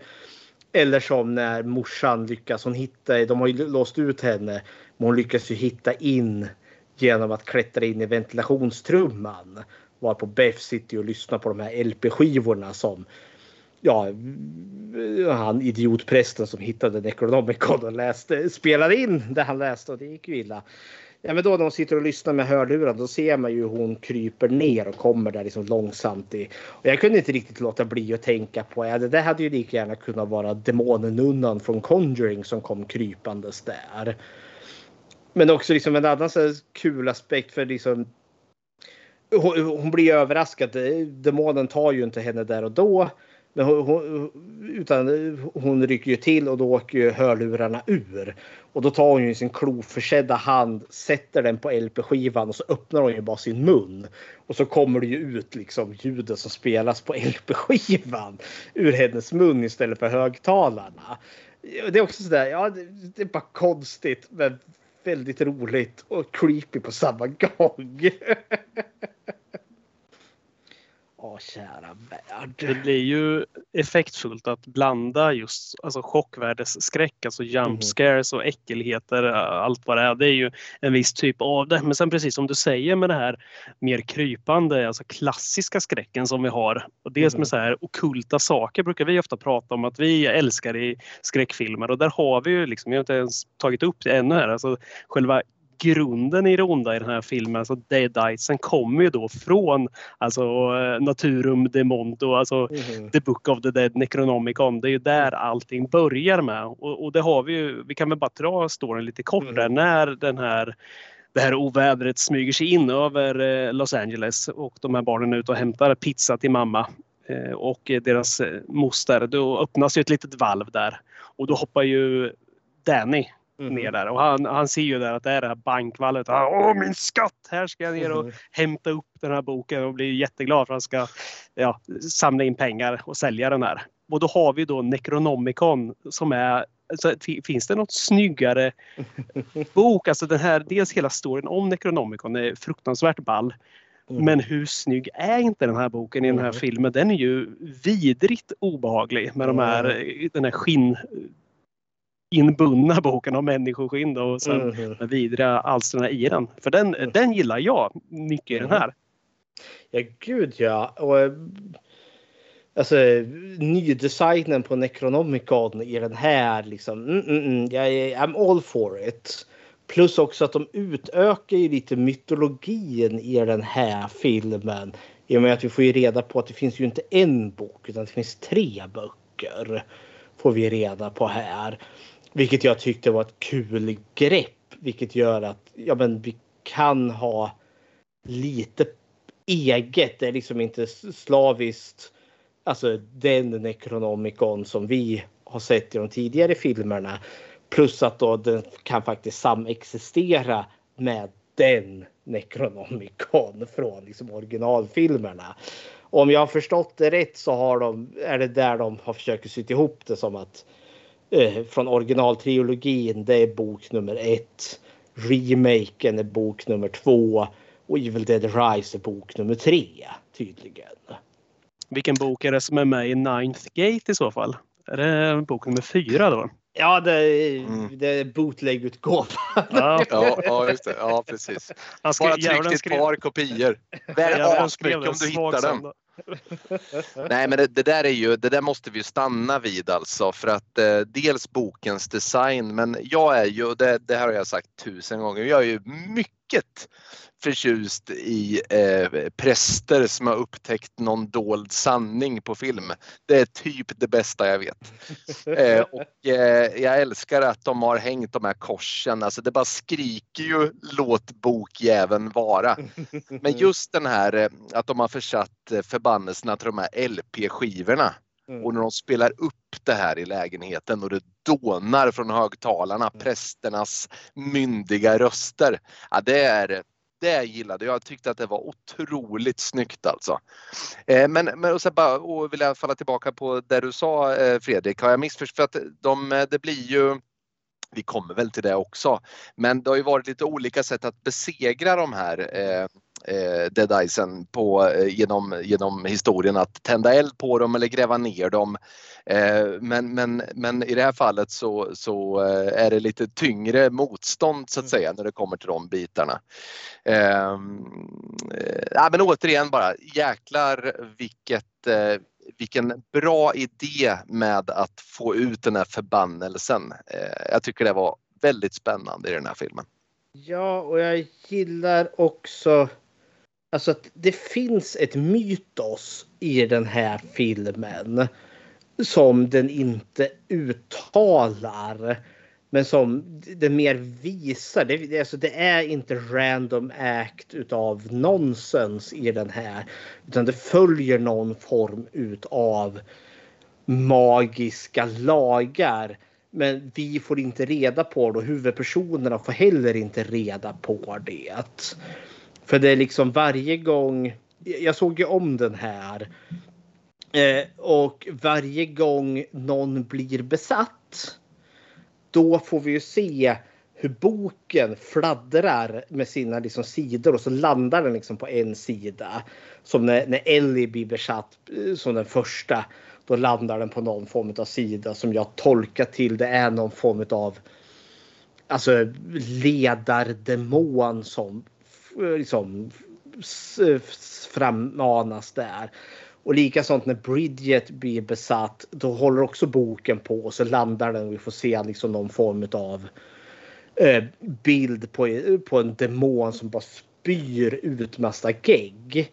Och det är det som hon använder för att besätta eller smitta Danny. Hon spyr ut otroliga mängder gegg på honom. Och likadant när han blir besatt, då får vi också se boken gör någonting. Och, och, alltså det händer någonting hela tiden. Alltså för alla de ute i, i hallen blir ju också besatta sen. Eh, men det sker ju liksom när när demonen Ellie har hamnat i trångmål eftersom att Beff har fått ett hagelgevär där och blåser arm och ben av henne och är precis på väg att blåsa huvudet av henne. Då ser vi ändå liksom att hon, hon, hon skriker någonting och bokjäveln börjar fladdra igen och då hoppar alla lik tillbaka till liv igen. Och jag gillar det här. Det finns någonting. Som det fin de har någon jävla logik som de följer, de är inte bara random as fuck. Men för, för jag menar för Beff och Cassie som blir drabbad av det så är ju allting random as fuck. Men för mig som tv-publik förstår jag att det är någonting. Det, det, det, finns lagar, det finns begränsningar. De här monstren ändå så är hållna till. Eh, ja, där knyter de ihop rätt snyggt med de mhm. här LP-skivorna också. Eller nu är det inte LP för det är ännu mm. äldre än så. Men de här prästerna eller munkarna vad det nu är som har haft de här, eh, den här boken i sitt eh, mhm. förvar tidigare. Och där har vi ju hommage nummer två då med Bruce mm. Campbell. Han, ja. Man hör ju en av de här prästerna som skriker att de ska, ja, men han, ska ju, han läser ju upp ur den här. Och så är det ju någon som skriker där i bakgrunden. It's called the book of the dead for a reason. Och det är ju Bruce Campbell som skriker den också. Det, det, det, gillar man ju liksom att den kommer med. Men hela den biten med de här att de lyssnar på det och han står i sina den här DJ lurarna. Det är ju för jävla obehagligt liksom. När, eh, och det har de gjort jäkligt snyggt där. Och säga vad man vill om ny teknik där men där passar det verkligen bra att blanda den här gamla stenkakeplattorna liksom och lägger på det här moderna och sen får du uppläst så här, lite skrovligt, knastrigt så här.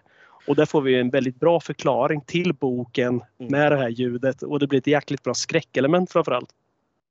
Och sen också, den målar också upp att det finns något så otroligt jävla hopplöst i den här filmen. För han, han, Danny blir tillräckligt freaked out utav det här. Och drar ju sladden till LP-spelaren så att den ska ju stanna. Men det slutar ju inte. Den bara går av sig själv. Så liksom nu, det onda krafterna som är nu eh, alltså, frisläppta. Ja, du, du kan inte stoppa dem. Eh, the genie is out of the bottle. Katten är ute ur säcken. Nu jävlar är det åka av. Ja, och sen känslan av att, att om inte ens prästerna eller munkarna mm. kan besegra den här ondskan, hur ska då en stackars familj eh, göra det? Grejen är, jag har ju ändå så i och med att de hittar ju ändå så boken i det här bankvalvet med hundratusen kristna kors. Så på något sätt måste de ju ha fått bukt på skiten ändå. Eh, och, de går ju att stoppa tillfälligt, exempelvis som när de kör upp saxen i näsan på henne. Då säckar hon ju ihop. Liksom, och så blir hon ju sittandes där en stund ungefär som att hon är en dator som behöver reboota där ett litet tag. Så liksom, men det, det som de kör i den här är ju liksom total body dismemberment som de har kört i alla filmer. Men här krävs det ju bokstavligen allt. Eh, för li, lite, ja vi kommer ju till slutet sen också för det är ju verkligen bara köttfärs kvar av monstren i slutändan. Men till och med då så kan man se köttbitarna ligga där och liksom röra lite på sig. Så liksom här är det snarare att man måste vara totalt till inte göra dem så att de inte kan liksom fatta ett vapen och huggar dig. Det är lite såhär demonernas T-1000 vi har att göra med. Mm. Ja, vi har ju liksom inte riktigt någon... Eh, det finns ingen riktigt vad de här dead eitsen inte kan göra för någonting. Nej. För visst, de tar ju över en eh, person mm. och eh, kan ju sen ta över vidare personer också. De är inte mm. alltid bara i en enda utan de kan vara i flera och så ja. vidare. Men det, vi, vi har ju liksom inget så här, det finns ingen regel riktigt. Vi har inte någon regel för vad mm. de är kapabla till. För att den kan ju uppenbarligen sväva, vilket vi ser i mm. introt. Och den kan flyga och ta mm. sig över stora eh, ja, eh, ytor. Mm. Så att det här med att bara förstöra den, ja, hjälper det verkligen så Nej. mycket? Liksom, utan vi har liksom, det är ganska förgäves allting där. Du, du köper dig lite tid men ja, är det nog mycket för att hinna fly? Det är snarare där man är. Ja, och det är väl också där den här filmen säljer in i slutändan ganska väl. Att nej, det är liksom bara att lägga de riktiga härliga håriga på ryggen där och liksom få distans till det här och hoppas att aldrig hittar det igen. Ja, kära värld. Eh, jag vill prata om filmens tredje akt. Det slutgiltiga monstret som dyker upp här. Eh, vad tyckte ni om ja, slutet? När ja, det groteska som väl uppenbarar sig väl dyker upp där. Vad de kallar det? The, the Marauder. The Marauder, ja. Vi ger ju en vink av den där i boken som sagt var. Jajamän. I The Necronomicon så får vi en föraning om vad som komma skall. Mm -hmm. Jag har faktiskt läst en spökhistoria någon gång för länge sedan om en eh, familj som samlade, alltså dottern samlade offer, offer ta hem kompisar mm -hmm. och sen samlade ihop dem till en så gigantisk köttklump av armar och ben som var på vinden. Så att, mm. det där, jag, jag fick den där parallellen. Mm -hmm. ja, men det är ju ett jäkla, det är ju, ja, det är ju en jäkla varelse det här alltså. -hmm. Och det blir ju det som hon vi nämnde ju det när hon håller på att bli besatt och hon steker äggen där och har den här otäcka monologen som slutar med att hon vill skära upp sin familj och krypa in i dem så att de alla blir ett. Det är ju det som händer i stort sett. Sonen och dottern fusas samman med modern där och blir liksom någon form av enhet utav armar och ben som sticker ut åt alla jävla håll och kanter. Och, och fel, finns ingen logik. De är liksom Nej. vridna åt fel håll och sådär. Ja, och det, det var en höjdpunkt för mig. För god damn vad det där var vidrigt och groteskt. Men jag var helt blown away. Jag tyckte det var äh, herrejösses trevligt i sin otrevlighet. Jag tänkte mycket på Carpenters uh, The Thing när man såg den här Mm. varelsen. För den är väldigt lik just i, i förvandlingen. Alltså, The Ja. Thing-varelsen syns ju annars som en vanlig person. Men sen i slutet där av den så är det ju verkligen alla personligheter som kommer fram Mm. eh, och hänger lite åt olika håll. Och inte helt olik i T1000 där när han får den här när de skjuter sönder han och han delas heller. Det är ganska likt där. Det är, fan vad snyggt det är med de här praktiska effekterna som de har gjort i den här, i Ja. den här filmen. Det är väldigt mycket praktiskt. Och det är nästan uteslutande praktiskt. I, och, och det är också så här, kudos till den. För vi får aldrig riktigt se det här monstret i sin helhet. Vi får se glimtar men den är väldigt mycket höljd i mörker. Och det, det tror jag är väldigt smart för hade vi fått sett den i, hela sin glory då hade vi säkert sett liksom vart de praktiska effekterna eh, inte funkar och hade den varit totalt CGI då hade det heller liksom inte funkat. Men ja. Det är nej, därför det är så snyggt att de redan presenterar den i boken så vi Mhm. vet ju vad det är för någonting. ja. Och det räcker att vi kan ana eh, dess helhet. Jag tycker det är perfekt faktiskt. Och närmare slut, alltså i slutstriden där, då kände jag liksom att nu är vi ju lite mer åt Alltså det mer skräckkomedi-hållet utan att det blir skräckkomedi men bara den mängden blod som uppstår när de slutligen avlivar monstret med hjälp av en flismaskin. Ja, det var en liten eh, så här Fargo möter Evil Dead. där. Flismaskinen från Fargo. Sen har vi ju eh, den här avsågade hagelgeväret och motorsågen där i en hommage också då till gamla Ja. filmerna. Så att, det- och där är ju verkligen publikfrieri. Alltså Mm. groteska mängder blod. 6500 liter eller något sånt där läste jag någonstans att de hade använt i filmen. Och det, det, är ju, alltså, det, är, det är ju helt... Jag satt och bara tänkte hur mycket 6500 liter är. Började så här, st- stod och skulle baka någonting hemma. Så här, Okej, så här, det, är- det är en jävla massa. Alltså.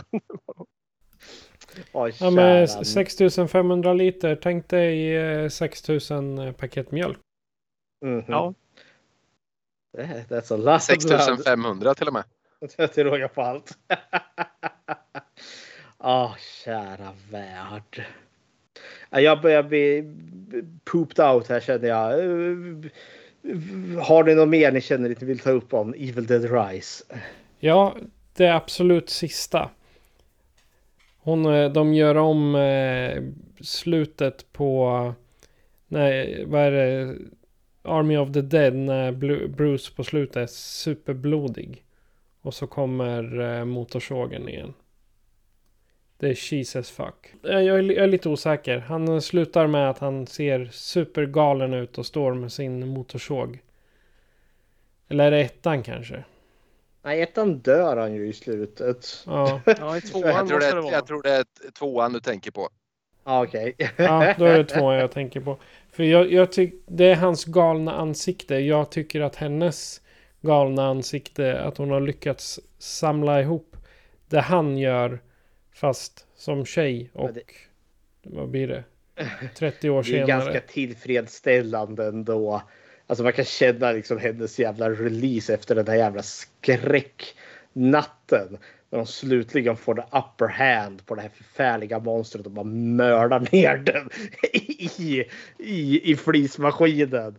Så det, där kände jag, jag tänkte mer faktiskt på slutet på remaken från 2013 när hon kör motorsågen i munnen på demonen där. Uh, det, det där klingde mer klocka där. Men visst, du har ju tvåan där när uh, han kör upp motorsågen i ögat på jättedemonen som dyker upp i, i dörren där också såklart. Ja. ja, det är som, som många Evil Dead som det är så skulle jag varit riktigt förberedd och skulle ha kollat på alla innan vi började med det här avsnittet. För att kunna skjuta. Men jag gillar ändå, jag tror det är logotypen på våran vårat Evil Dead avsnitt när Campbell står och ser helt halvt galen ut. Jag, tyck, jag tycker ändå att hon har lyckats med en hyfsat liknande alltså uppsyn När, eh, när hon väl kommer i, med motorsågen där. Jag tycker den här hon Beth, alltså Lily Sullivan som spelar henne. Jag tycker hon var klockren här. Jag, Mm. jag känner ju direkt att jag kan ju tänka mig se mer filmer där hon axlar kanske alltså en eh, feminin Ash-roll liksom och hon går besärk. Gärna att hon, hon får gärna vara gravid liksom och springa runt och kicka ass. Det vore ballt att se. För att eh, nej, men hon, hon var det är en ballt. Det är alltid ballt med rockbrudar också i filmer. Det får man ge dem. Ja, för det är det. Eh, för, nu kommer det ju ändå så bli en uppföljare här. Och då är det lite sådär som får mig att fundera. Eh, vill jag ha fortsättningen på henne, alltså Beths fortsatta äventyr, hon och Cassie eh, ut och eh, kickar Deadite butt. Eh, det kan vara kul. Eller vill jag hellre ha att, för det är snarare det jag är ute efter, jag vill hellre ha den här istället för att vi följer samma personer så följer vi The Necronomicon, The Dead Eyes. Liksom när de dyker upp på något nytt ställe. Ja, men som i originaltanken med den här det är Necronomicon i Vita huset. Bara liksom placera den i en ny setting och så liksom få liksom vansinne, mord, blod, död och djävulskap att uppstå.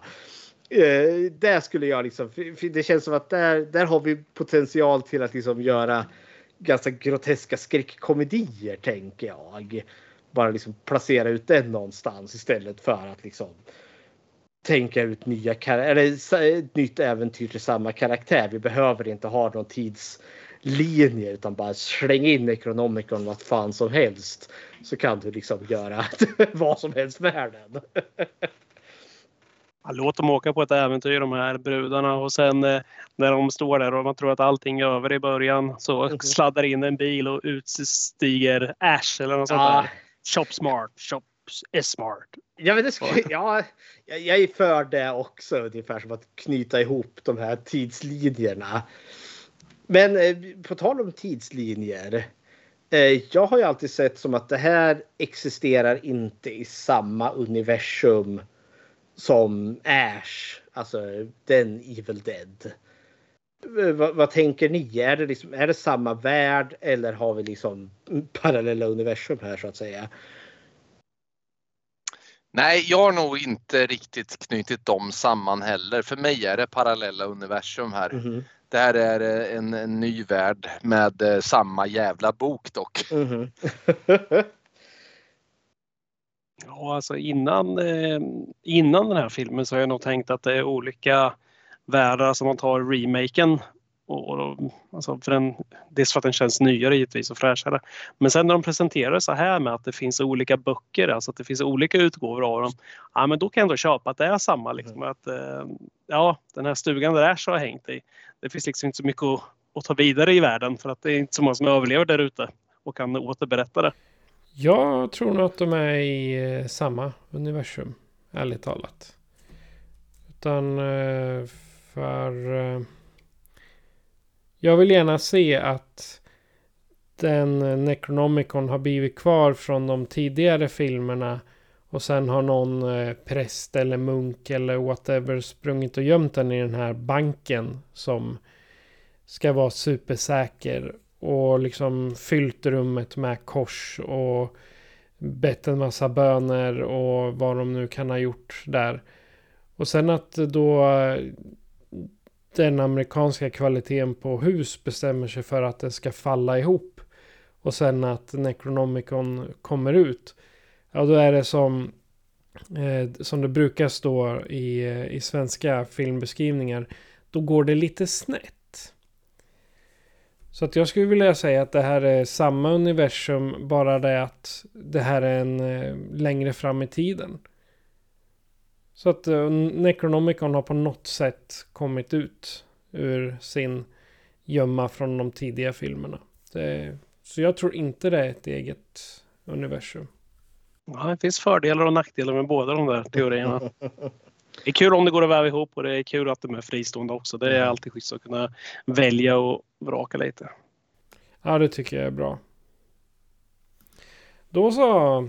Alltså om, om du inte har sett den här filmen, kära lyssnare, så har vi nog sabbat hela filmen för dig nu. Eller så har vi gjort dig väldigt glad genom att förklara hela filmen och sen förstår du när du går och tittar. Så att eh, allt är en tolkningsfråga. Men eh, Fredrik då, har du gjort något Bechteltest på den här? Jajamensan, eh, och det är om kvinnlig representation i film. Eh, och frågorna är ju tre som sagt. Och där är ju då ett, finns det eh, två eller fler eh, namngivna kvinnliga karaktärer? Ja, det gör det. Vi har ju Theresa och Jessica bara från vårt intro. Eh, men sen har vi ju då Beth, Ellie, Bridget och Cassie. Fråga nummer två, möter de någonsin varandra? Ja, vi har ju familjen där, Beth, Ellie, Bridget och Cassie. De möter ju varandra. Och sen har vi ju Theresa och Jessica från introt där och de möter också varandra. Och fråga nummer tre, pratar de om någonting annat än män? Introt blir lite lurigt för då sitter ju Therese och gnäller över att Jessicas dryga pojkvän är så jävla hemsk. Eh, eh, men sen har vi ju då Beth, eh, Ellie, Bridget och eh, Cassie. Och bland annat har vi då en diskussion mellan Bridget och Ellie. Där Ellie undrar vart hennes, eh, vad heter det, eh, protest-t-shirt finns. För hon ska ut och protestera mot klimatförändringarna där och sådana saker. Och den eh, vet hon ju inte vart de finns. Eh, men den visar sig finnas i tvättkorgen. Eh, och då undrar om hon inte morsan kan tvätta eh, den åt henne.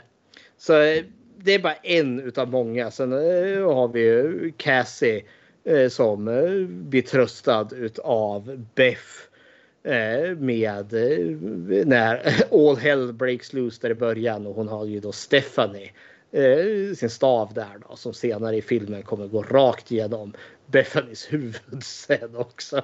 Till råga på allt.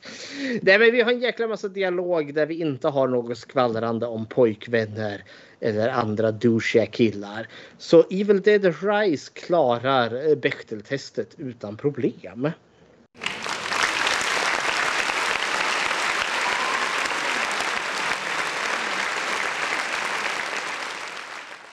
Om eh, du som lyssnare vill kontakta oss på Skräckfilmscirkeln så kan du göra så här. Skräckfilmscirkeln presenteras av Patrik Norén och Fredrik Rosengren. Produktion FPN Productions. Besök skräckfilmscirkeln.com för att hitta var du kan lyssna på oss, hur du kan stödja oss och hur du kan kontakta oss. Vill du diskutera filmerna i avsnitten är du välkommen att gå med i gruppen Skräckfilmscirkeln Eftersnack på Facebook. Tack för att du lyssnar.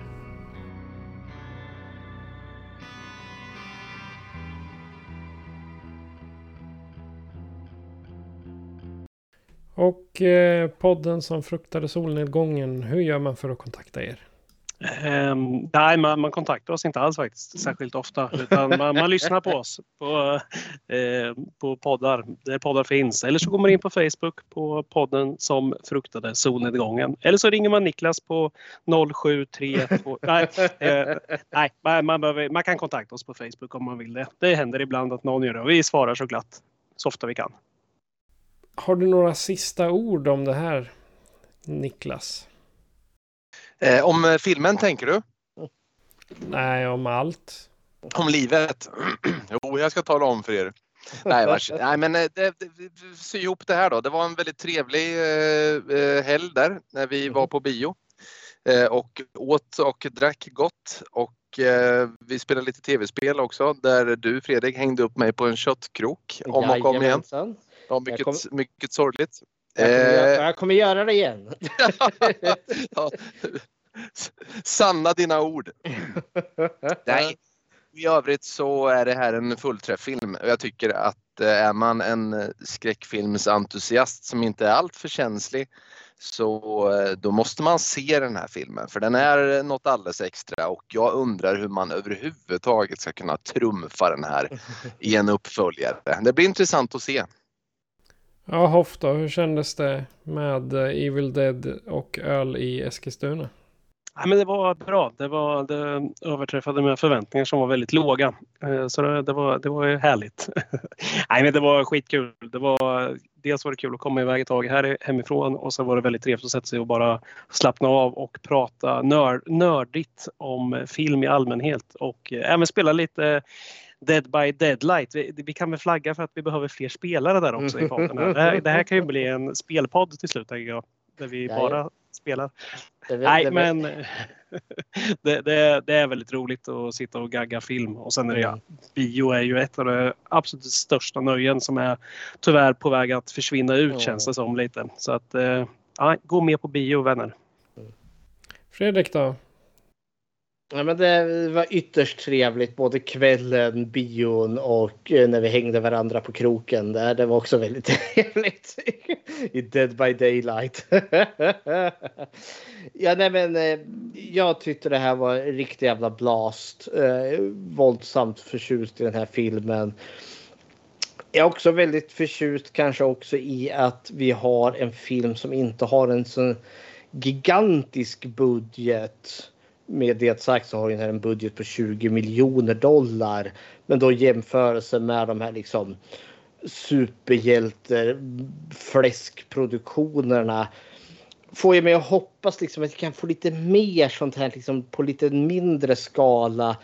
Eh, som liksom en som spelar in för den här har ju gått otroligt bra ändå. Så vi kanske hoppas liksom att, liksom, att det kan bli en morot liksom för att få de andra filmbolagen att våga satsa på lite mindre film. Men jag, jag tänker det att eh, den här går bra på lite mindre budget.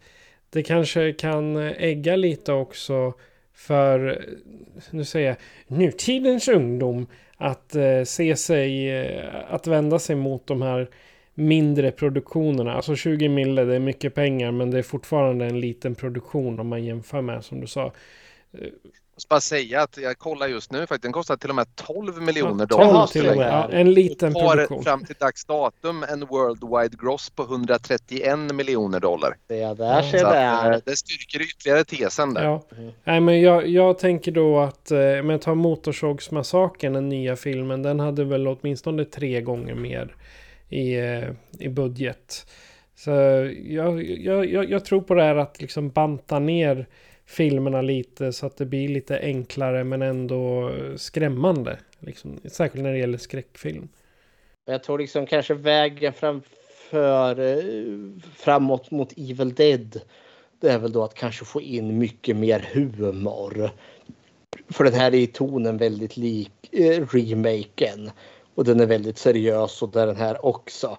Men det skulle vara kul att få den här liksom mer Sam Raimi-eska humorn som är ganska tondöv ändå. Men jag tror ju vi kommer att få något snarlikt misstänker jag. Men ja, ja. Det återstår att se. Ja. Ja, och sen eh, nummer två, det var att det var en eh, ytterst trevlig helg. Och det är, det är inte ofta det kommer folk eh, från andra städer bara för att kolla på bio. sådär. Och sen eh, upp och gagga film till, ja, när gick vi hem? Halv tre? Något sånt där. Så att eh, sitta och prata film i över, över eh, 12 timmar i sträck, det blir... Det tar, men det är fantastiskt trevligt. Men eh, vi kommer inte prata så mycket mer om eh, vad vi gör i framtiden. Eh, det här avsnittet, för det här kommer dubbelpubliceras. Det finns eh, både hos oss här och för er som lyssnar på podden som fruktade solnedgången så finns det här också. Ja, men eh, vi har väl eh, kanske inte så mycket mer att säga. Vill ni tillägga något till alla våra kära lyssnare eller ska vi vad är det ni brukar säga? Vi måste göra dubbelavslutning här. Vi brukar ju bara avsluta med jag heter bla bla bla bla. Men ni brukar ju avsluta på ett annat sätt. Så det måste vi kombinera det. Okej. Okay. Men då har vi bara kvar att säga att eh, jag heter Patrik. Jag heter Fredrik. I nattens mörker med eh, Niklas. Och Kristoffer. When I was just a little girl I asked my mother, what will I be?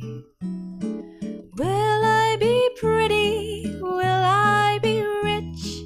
Here's what she said to me. Que sera, sera. Whatever will be, will be.